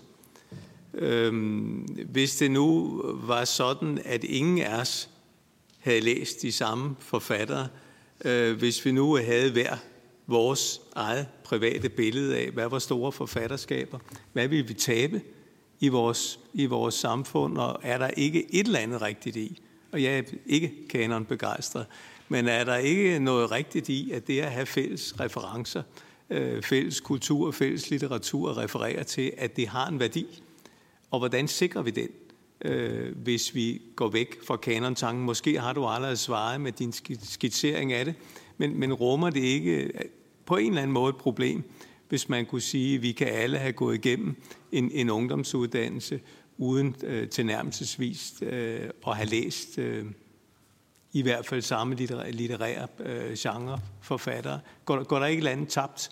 H.C. Øh, Andersen er nævnt. Jeg tror, at alle er beriget øh, hvor mange der egentlig har læst kirkegård, når vi går omkring i samfundet. Helt selv har jeg heller ikke været igennem de, de, de samlede, skal jeg blankt erkende.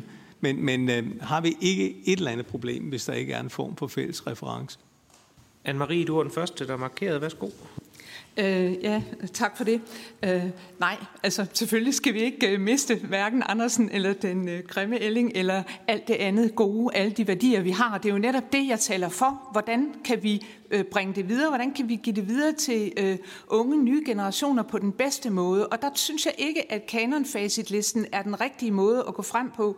Jeg synes, der er andre måder, man kunne arbejde på. Og jeg har, ser altså gerne den her udvidede liste, øh, som øh, lærere og elever kan arbejde med som en mulighed for at, at skabe den frihed og fleksibilitet og give dem også et ansvar. Vi har så nogle meget, meget dygtige gymnasieelever og gymnasielærer, der gerne vil engagere sig i det her.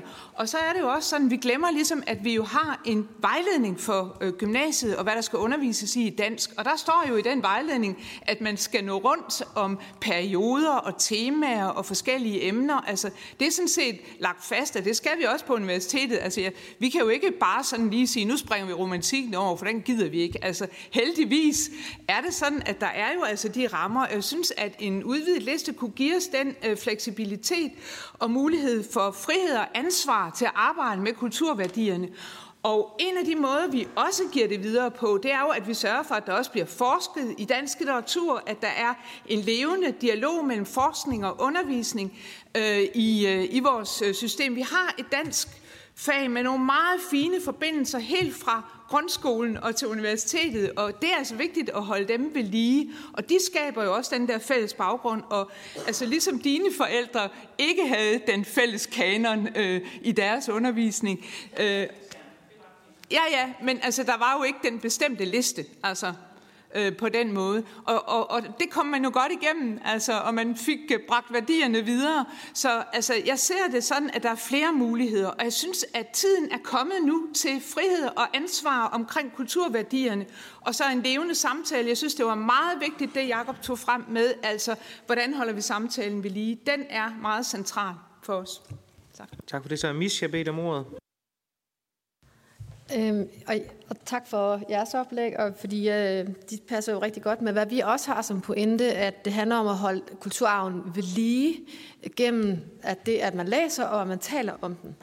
Og øh, hvis I kigger rundt her, hvor mange af jer blev student? Øh, hvor mange af jer har været igennem Dansk Færds Litteraturkanon efter 2005? Der er lige et, nogle enkelte fire eller sådan noget herinde, ikke? og fem, seks stykker. Godt, I har prøvet det, det har vi andre ikke. Øh, men det, øh, der er sket siden, det er altså netop, at det er blevet en facitliste, som også lige er blevet sagt et par gange. Øh, Og så kan man så sige, der har jo aldrig nogensinde været talt om, at det var bestemte tekster. Den facitliste genererer ikke, at vi kan sidde om lejrbålet og synge den samme sang af blikker, fordi det er ikke sådan, det er. Vi har nogle gange vi har læst noget forskelligt. Nogle gange har der været perspektiver, nogle gange har der været inddraget ved et temaforløb. Øh, sådan så eleverne måske ikke nødvendigvis skal huske, at det var blikker, de læste, men de læste blikker måske i forbindelse med et forløb om kærlighed eller noget. Ikke? Øh, og det var rigtig godt. Øh, de husker måske, at det blev sat sammen med øh, en helt anden tekst fra en helt anden tid, som også handlede om kærlighed. Så det er jo, og det er de samtaler, vi har brug for at styrke, sådan så eleven går ud derfra og siger, at det var en rigtig god tekst. Øh, men vi har ikke nødvendigvis læst den samme, da vi sad rundt om lejrbålet, men vi har læst nogle af vores øh, store forfattere fra den tid, øh, der fra før 1960 øh, også. Ikke? Så lad os, lad os få liv i kulturarven. Det er det, det handler om. Marianne, du har også bedt om en bemærkning.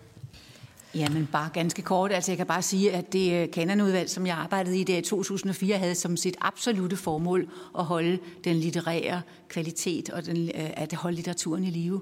Øh, og ængstelsen var jo, at den var på vej ud af skolen og på vej ud af pensumlisterne, og der var ikke noget, man heller ville, end at bevare den der øh, litteratur. Og, og nogle af de perspektiver, så I, som I har på det nu, øh, dem havde vi jo ikke. Og det viser jo bare, at tiden går, og det kan vi jo så altså, at tiden kan forsvinde for os er lidt fartroende, men at tiden går, det, det må vi jo nok øh, erkende, at det er sådan. Almendannelsesbegrebet er jo blevet en hovedhjørnesten i ungdomsuddannelserne, og det skal den vel helst blive ved med at være. Og jeg kan ikke forestille mig, at almen dannelse kan tænkes ud fra dansk litteratur i sin helhed for så vidt. Så de ting skal jo forenes. Men man må også være ærlig at sige, at lige så snart man siger, at der er noget, der er pligt, og noget, man skal, så har man også fået sig nogle modstandere. Og Lasse, du har også bedt om ordet. Du bliver lige den sidste i den her runde. Tak skal du have. Jeg vil bare lige give et, øh, et kort svar på, øh, på Jakob Sølhøjs øh, gode spørgsmål. Altså, jeg synes jo, vi først og fremmest skal tage bestik af, at vi befinder os i en krise, i en kæmpe stor læsekrise. Ikke? Det er veldokumenteret, at læsningen er i frit fald ikke bare blandt unge, men også blandt voksne, og især blandt øh, hvad hedder det, højt uddannede voksne mennesker. De læser mindre og mindre. Det er vi jo simpelthen nødt til at gøre noget ved, og det er vi nødt til at gøre noget ved i undervisningen, og derfor synes jeg også, at man skal, øh, hvis man beslutter sig for at tage, tage kaneren op til revision, så inddrage aktørerne, inddrage eleverne, inddrage de studerende, inddrage øh, lærerne for at høre om deres erfaringer med at at undervise i kanon, og hvordan man kan gøre det på en måde, så det faktisk øh, befordrer læsning. Fordi det synes jeg faktisk er, det her spørgsmål om national dannelse, det er selvfølgelig vigtigt. Der er også andre typer dannelse, har vi hørt. Men jeg er først og fremmest bekymret for øh, læsningen. Altså hvis, hvis, hvis læsningen forsvinder, og det at kunne, kunne øh, koncentrere sig og tilegne sig øh, længere tekster, hvis det forsvinder, det, det er en grundpille i vores demokrati. Så det vil jeg virkelig, øh, det vil jeg, det vil jeg opfordre til. Tak skal du have. Så har vi, kan I se, Dan dernede, og vi har Simon derovre. De har lidt mikrofoner. Så hvis der er nogen i salen, der kunne tænke sig at stille et spørgsmål, eller har en kommentar, bemærkning osv., så, så åbner vi op for, for det nu. Husk at sige, hvor I kommer fra og hvem I er. Hvem vil så være nummer to? Det var der en dernede, der ville. Værsgo.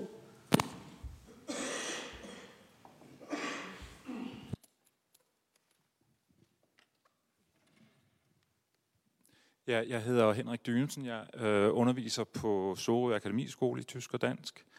Og øh, det jeg egentlig har mest, det, mest en bemærkning. Øhm, omkring øh, litteraturkanon, øh, jeg skal nok prøve at gøre det kort. Jeg synes, at det med, at man har 14 navne, og man skal mest læse mindst en tekst af hver eller to, der har det. Øh, min erfaring er, at jeg på mange måder synes, at halveringstiden er meget kort for betydningen af de her sådan, enkelte tekster, man læser. Selvom man faktisk får brugt samlet ret stor del af af tiden i gymnasiet på at undervise eleverne. Ret beset mener jeg, at øh, danskfaget er på mange måder øh, mere et B-niveau-fag end et A-niveau-fag rent øh, timemæssigt, altså at de andre A-niveau-fag har mere. Så man bruger meget tid på det, og halveringstiden er stor på, når man kun læser én ting. Man siger på tysk, ein Mal ist kein Mal, og give dem en eller to tekster af de her forfatter, det er lidt som at give dem ingenting. Mit forslag vil være, om man måske kunne tænke over, at en kanonforfatter, øh, at man, man knyttede det til øh, den øh, skriftlige eksamen i 3.G, som man simpelthen sagde, at man vidste på forhånd, at det år er det måske bang, at der bliver mulighed for at skrive en analyserende opgave, eller Johannes V. Jensen, eller et andet forfatternavn. Det er sådan set lige meget. Bare det bliver sagt i god tid, så vil der være tid til at fordybe sig. Jeg synes, det er det, som der giver øh, også glæden ved øh, litteraturen, og det, der står tilbage mange år efter, det er, at man har fordybet sig, og man har nogle billeder og stemninger og et blik på verden. Øh, og det tror jeg måske, at man derved igen kunne komme. Jeg synes ikke, det er så vigtigt, at man får læst alle kanonforfatterne, men at man får tiden til fordybelsen. Tak. Tak for det, øh, indspark. Er der andre, der ønsker øh, at bidrage? Jeg ved ikke, om der er nogen i panelet, der har en kommentar. Ellers har Kent øh, Mikkelsen et, et herop. Du har mikrofonen selv, Kent. Ja, tak. Og øh, tak for nogle øh, fremragende øh, indlæg til, til alle sammen. Øh, jeg tror, Lasse, du stillede sådan et konkret spørgsmål til, til os politikere øh, og, og skød bolden tilbage. Altså, vi skal jo ikke tage til andre politikere i, øh, i ed, men man kan sige, at i, i Venstre er vi jo ikke på vej til at forlade kanon øh, tankegangen. Men jeg lytter meget til, at, at, at der bliver stort set fra alle i panelet øh, ytret ønske om, at den har måske overlevet sig selv. Øh, vi, skal, vi skal have kigget på den i forhold til indhold, øh, måske også til form. Øh, og det synes jeg da, at vi som politikere skal, øh, skal tage, tage til os. Så er jeg lidt optaget af... Øh, ej, lad mig starte et andet sted. Jeg, jeg har siddet den sidste times tid øh, og blevet inspireret. Altså, jeg har jo nærmest lyst til at tage hjem i aften og lægge lovforslagene til side, og så finde noget god dansk litteratur frem. Øh, så, så om ikke andet, så har vi jo opnået det øh, i, øh, i dag. Men at jeg kan blive inspireret, det, det kan så måske også føre til, at andre kan inspireres. Fordi det, vi sidder og drøfter nu omkring en kanon, det har jo betydning for gymnasieeleverne de tre år, de går der. Øh, men vi har også nogen, som, øh, som ikke kommer på gymnasiet. Øh, hvordan får vi dem til at interessere sig for den her litteratur, som vi har, øh, som vi har drøftet i dag? Hvordan, hvordan, får vi, øh, hvordan får vi danskerne til at interessere sig for den her litteratur, også når de har forladt gymnasiet? Altså, Hvorfor havde jeg ikke, da jeg stod op i morges, tænkt, at jeg skulle læse dansk litteratur i aften med lovforslag, og at der skulle den her høring til, at, at, at jeg begynder at tænke anderledes. Og jeg synes, Anne-Marie, du er en lille smule inde på det øh, i at snakke øh, formidling gennem øh, blandt andet DK4-programmer øh, osv. Så jeg synes faktisk, at det er en anden del, vi skal tage, tage til os. Det er, hvordan formidler vi også det her så vi, får, vi snakker meget om livslang læring, vi kunne snakke om livslang læsning øh, i stedet for. Så det er måske mere refleksioner, øh, og I er velkommen til at, at kommentere på det. Tak for det. Er der nogen i panelet, der ønsker at kommentere på det? Så spørger vi ud i salen, om der er yderligere. Der er en her, og Simon, er der også en dernede bagefter. Vi starter dernede. Hej, jeg hedder Bjarke Fredskild Pedersen, og jeg er fra Gentofte Gymnasium, og også bestyrelsesmedlem i Dansk Lærerforeningen, må jeg hellere sige. Øhm, jeg kunne godt tænke mig lige at bringe sådan lidt øh, dansk lærer virkelighedsperspektiv ind, fordi der bliver spurgt blandt andet, hvor meget tid tager kanonen fra undervisningen. Øh, og ja, det skal fylde cirka 25 procent, og litteratur skal fylde 2-1-1, står der i læreplanen 2 dele litteraturundervisning, en del sprog, en del medier. Ikke? Så har vi to del sprog, og så 25 procent, så det giver så 50 procent af litteraturundervisningen. Det skal være kanonundervisning. Hvordan kommer man rundt om det, som øh, den anden, øh, som der blev sagt før, så, øh, så har danskfaget timemæssigt mere noget, der minder om et B-niveau end et A-niveau. Altså timetallet er lavt til det utrolig meget forskellige stof, vi skal rundt om. Hvordan gør man så det? Hvorfor kan den litteratur så gå hen og blive åndsforladt, når forfatterne og teksterne ikke er det?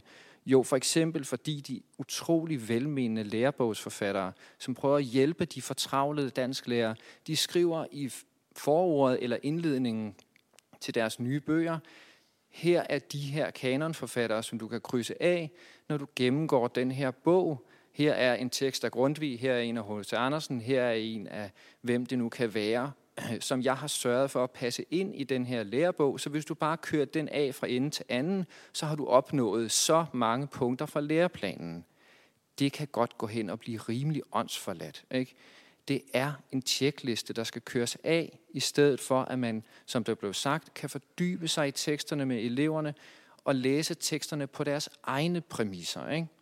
At opgive litteratur som en dannelses øh, ting, som en komponent i den almindelige dannelse i gymnasiet, vil være en katastrofe. Ikke? Både sprogligt og kulturelt og historisk.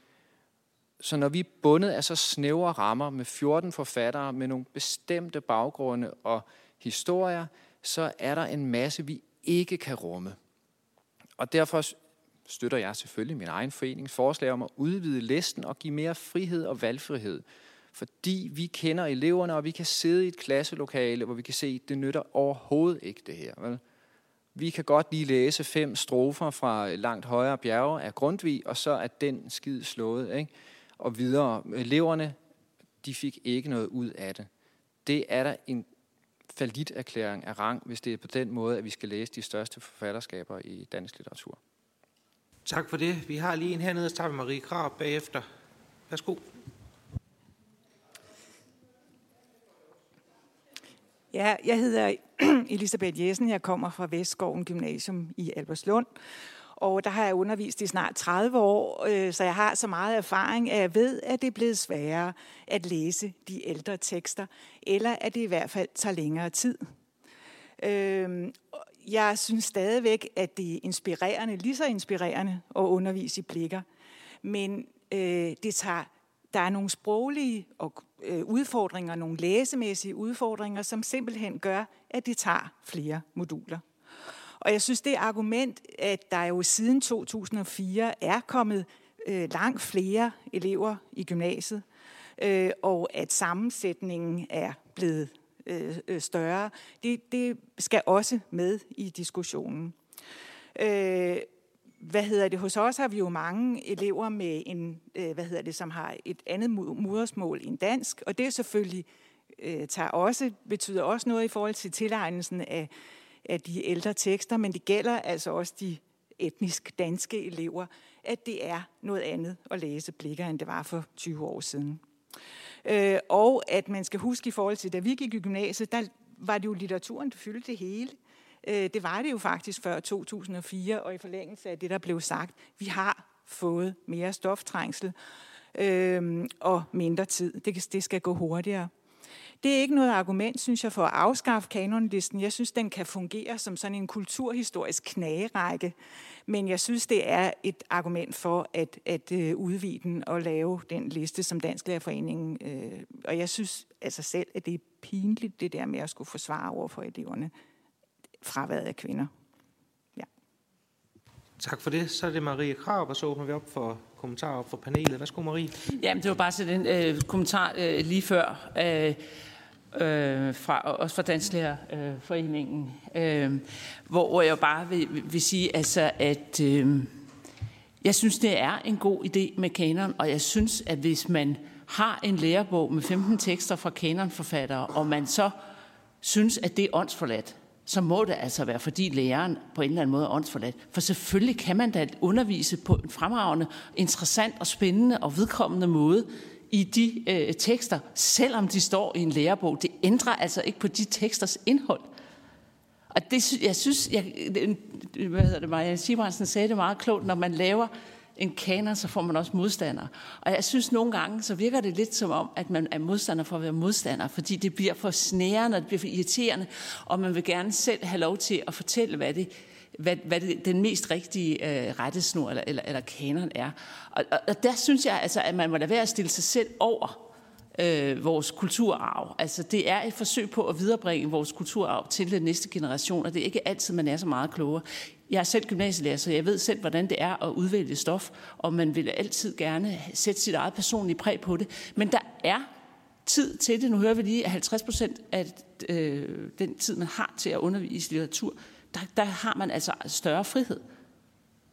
Øh, så, så, så jeg må sige, jeg forstår slet ikke øh, øh, vreden over, øh, over øh, kanonen, men jeg forstår godt, at man kan ønske at ændre på den. Og det synes jeg helt klart, at øh, man skal være villig til at gøre med mellemrum, selvfølgelig, fordi som, som du, øh, øh Lasse øh, Kjeldgaard, gjorde så glimrende redde for, så skifter synet på øh, forfatterne. Men man skal heller ikke gøre det for tidligt, sådan at det bliver øh, forbigående modeluner og hensyn til, til køn og etnicitet osv., som er moderne lige nu, der så bliver det dominerende for mange år frem i tiden.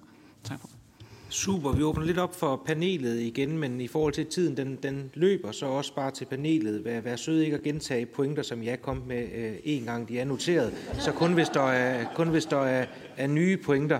Øh, beklager, det er lidt hårdt, men vi skal gerne nå alle synspunkter i, igennem. Øh, Hans, vi starter ned ved dig. Ja, jeg kommer med noget nyt. Altså, det, det, der, det, der kan undre, det er, hvorfor der er så stor forskel på, hvis I tænker på en litteraturundervisning og på en filosofiundervisning. Altså, hvem, hvem kan forestille sig en filosofiundervisning med øh, løbende udskiftning? Nej, i, vi springer lige kanter helt over. Altså, der har man jo altid haft en kanon. Man vil ikke forestille sig, man kunne drive filosofi, hvis man ikke har læst Platon og Aristoteles og helt. Men hvorfor gælder der så nogle helt andre regler for litteratur? Det har jeg altså ikke forstået. Altså, det skulle være svært. Og det er som om, altså det er selve ordene nalfast, man ikke kan lide, eller det er fast, eller facit. Det er sådan, der er sådan nogle livsfilosofisk noget. Det skal bare være flydende og dynamisk, så er det godt. Men altså, kan man forestille sig et filosofifag uden en kanon? Eller et matematikfag for den sags skyld? Nej, jeg har, vi springer differentialregningen over. Vi tager noget andet i år. Altså, så det er, jo ikke, det er jo ikke andet end at gøre litteraturundervisning. Al, kunne sammenligne med filosofiundervisning, og så ah, kan man, man kan da ikke have så meget imod visse forfatter, altså der, der var en filosofikum, der læste alle nøjagtigt de samme bøger. Alle havde læst de samme bøger. Det var jo spændende, man kunne møde en geolog, der også havde læst lidt om Jung. Øh, Anne-Marie, du havde også bedt om ordet. Ja, øh, lidt fornyende øh, i forhold til den øh, udmærkede, øh, det udmærkede indlæg, der kom om, omkring øh, de forskellige blokke i, i dansk undervisning. Altså, jeg ser det jo også sådan, og har den erfaring både fra universitetet og også i øh, kontakten med, med gymnasielærerne og deltagelse i efteruddannelsen, at man i høj grad er i gang med også at tænke de forskellige områder sammen, prøver at samarbejde sprog og medier og litteratur, og det betyder ikke, at litteraturen mister værdi i sig selv. Det betyder bare, at man øh, bruger forskellige måder at arbejde med det på, og det synes jeg er, er, er vigtigt. Jeg har haft nogle meget, meget fine specialer, hvor man blandt andet er gået ind på at se, hvordan øh, klassikere også er formidlet på sociale medier og nye medier. Øh, og det, øh, øh det synes jeg er, er vigtigt at få med, at, øh, at det er også en del af den dynamik, der er i dansk undervisning. Og ja, der er en dynamik, altså heldigvis øh, er der det, og heldigvis er det øh, levende ord, vi har med at gøre. Tak. Tak for det. Så har øh, Ditte også bedt om ordet. Øhm, litteraturhistorien ændrer sig jo, ligesom historien ændrer sig. Så der er jo ting, der dukker op, øh, som forskningen viser. Øh, og det er jo de samme litterære forfattere, der er blevet, øh, skal man kalde det, reproduceret i mange litteraturhistorier, i mange antologier. Og det har selvfølgelig gjort, at man har udvalgt nogle forfattere på et bestemt tidspunkt for knap 20 år siden. Øhm, men det er, der sker jo ændringer inden for litteratur og inden for litteraturhistorien. Og det bliver der jo nødt til at blive taget højde for. Øh, litteraturen er dynamisk.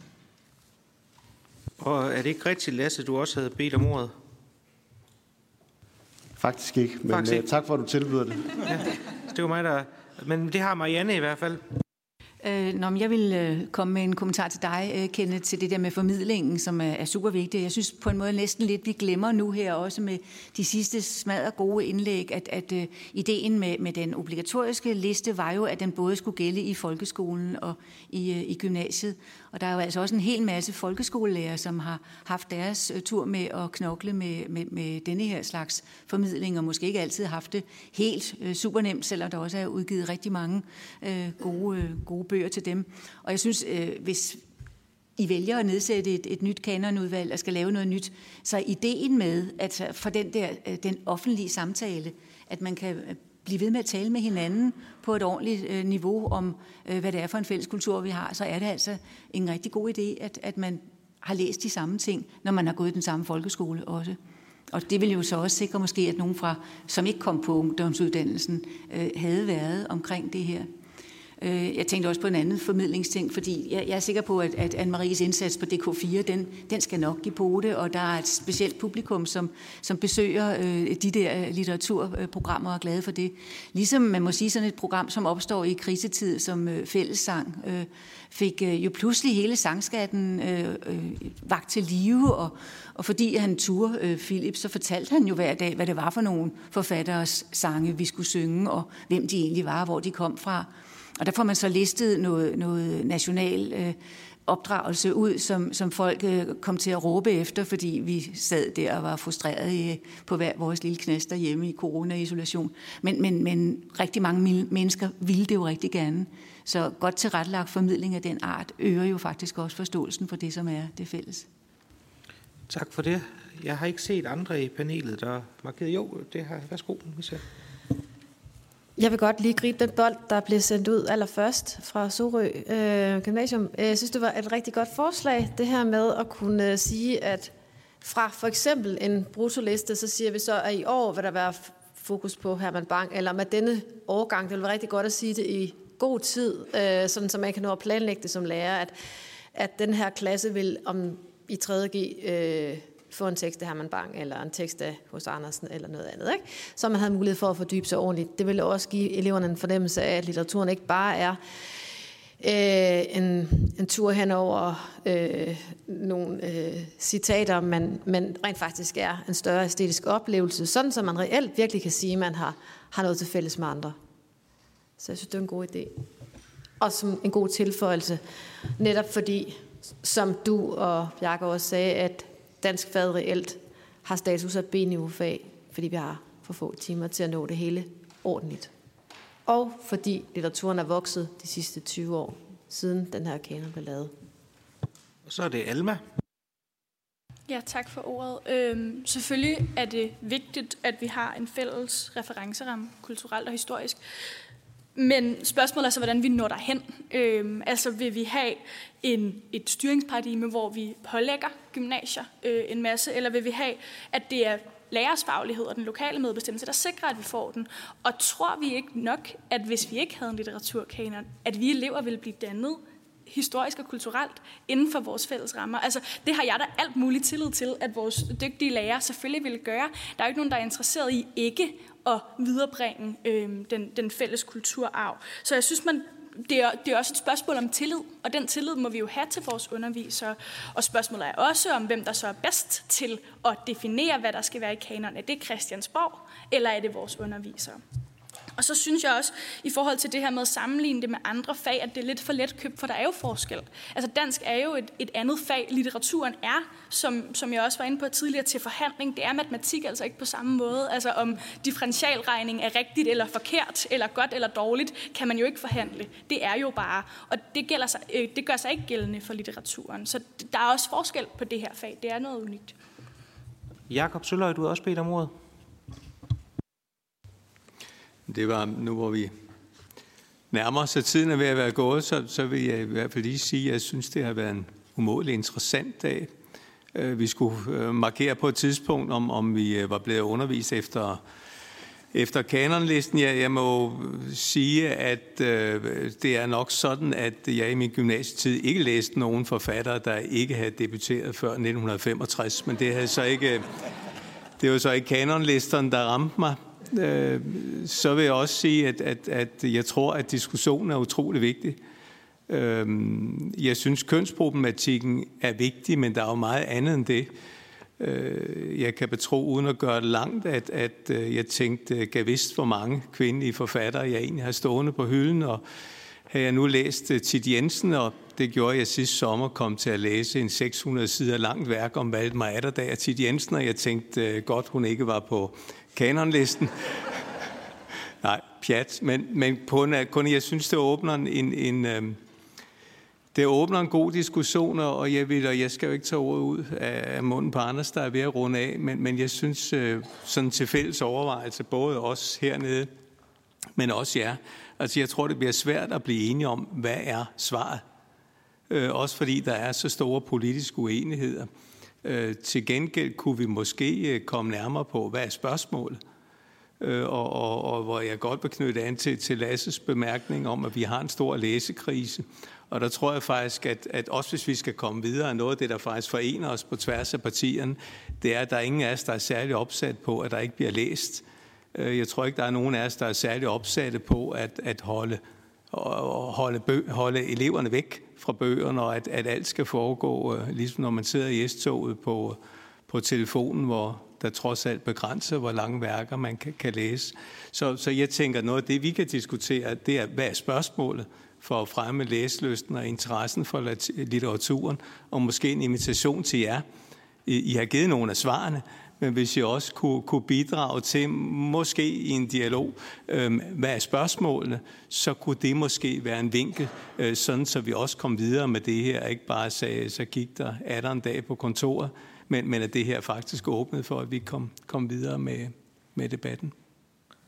Ja, med de ord, så er jeg nødt til at begynde stille og roligt at, at runde af, og jeg er meget enig med øh, Jakob Sølhøj i, at uh, vi har haft en rigtig givetig høring, og vi kunne formentlig have diskuteret det her i flere timer endnu, og det vil jeg gerne opfordre jer til, at I, I bidrager til, øh, til debatten, fortsætter debatten både hjemme på øh, læreværelserne, men også øh, i offentligheden, og jeg kan love jer og forsikre jer for, at vi følger det her op, både i det underudvalg, der har været nedsat, men også i selve Folketingets børne- og undervisningsudvalg. Jeg synes selv, der kom flere spændende perspektiver op. Hele udfordringen med livslang læsning. I øvrigt også alle de elever, som vi ved, der er derude, der ikke går på gymnasiet. Hvad med dem? Hvordan får de kendskab til vores store litteraturskat i Danmark? Det er sådan set også et politisk øh, spørgsmål. Og så fik jeg selv sådan en metafor, når vi sådan snakker om køn og forfatterskab og så videre. Jeg tror, mange af jer I har set uh, filmen, der hedder Blinkende Lygter, som blev til lige efter årtusindskiftet, hvor de her fire forbrydere, de sidder ude i et øh, faldefærdigt hus tæt ved Fredericia. Og så øh, skal de ellers til at dannes. Hele Matador-samlingen den bliver købt. De sidder og ser, men de finder også en øh, bog, der ligger i gemmerne af den meget kendte forfatter, der er en mus, der lige har spist et te væk, så det er den meget kendte danske digter Ove Ditlevsen, som de får at vide, som øh, har et stort øh, forfatterskab. Og det er selvfølgelig sagt med et, et smil på læben, men det er jo klart, der er også en stolthed over den skat, vi har, både her indlands, men så sandelig også ude i verden, hvor vi kan bryste os af det. Jeg vil sige tak til hele panelet. Jeg ved, I gerne vil have bidraget med, med endnu mere, men vi siger i hvert fald tusind tak til det, I allerede har bidraget med. Der er en lille ting derovre. Skal vi ikke give panelet en meget stor hånd for deres medvirken?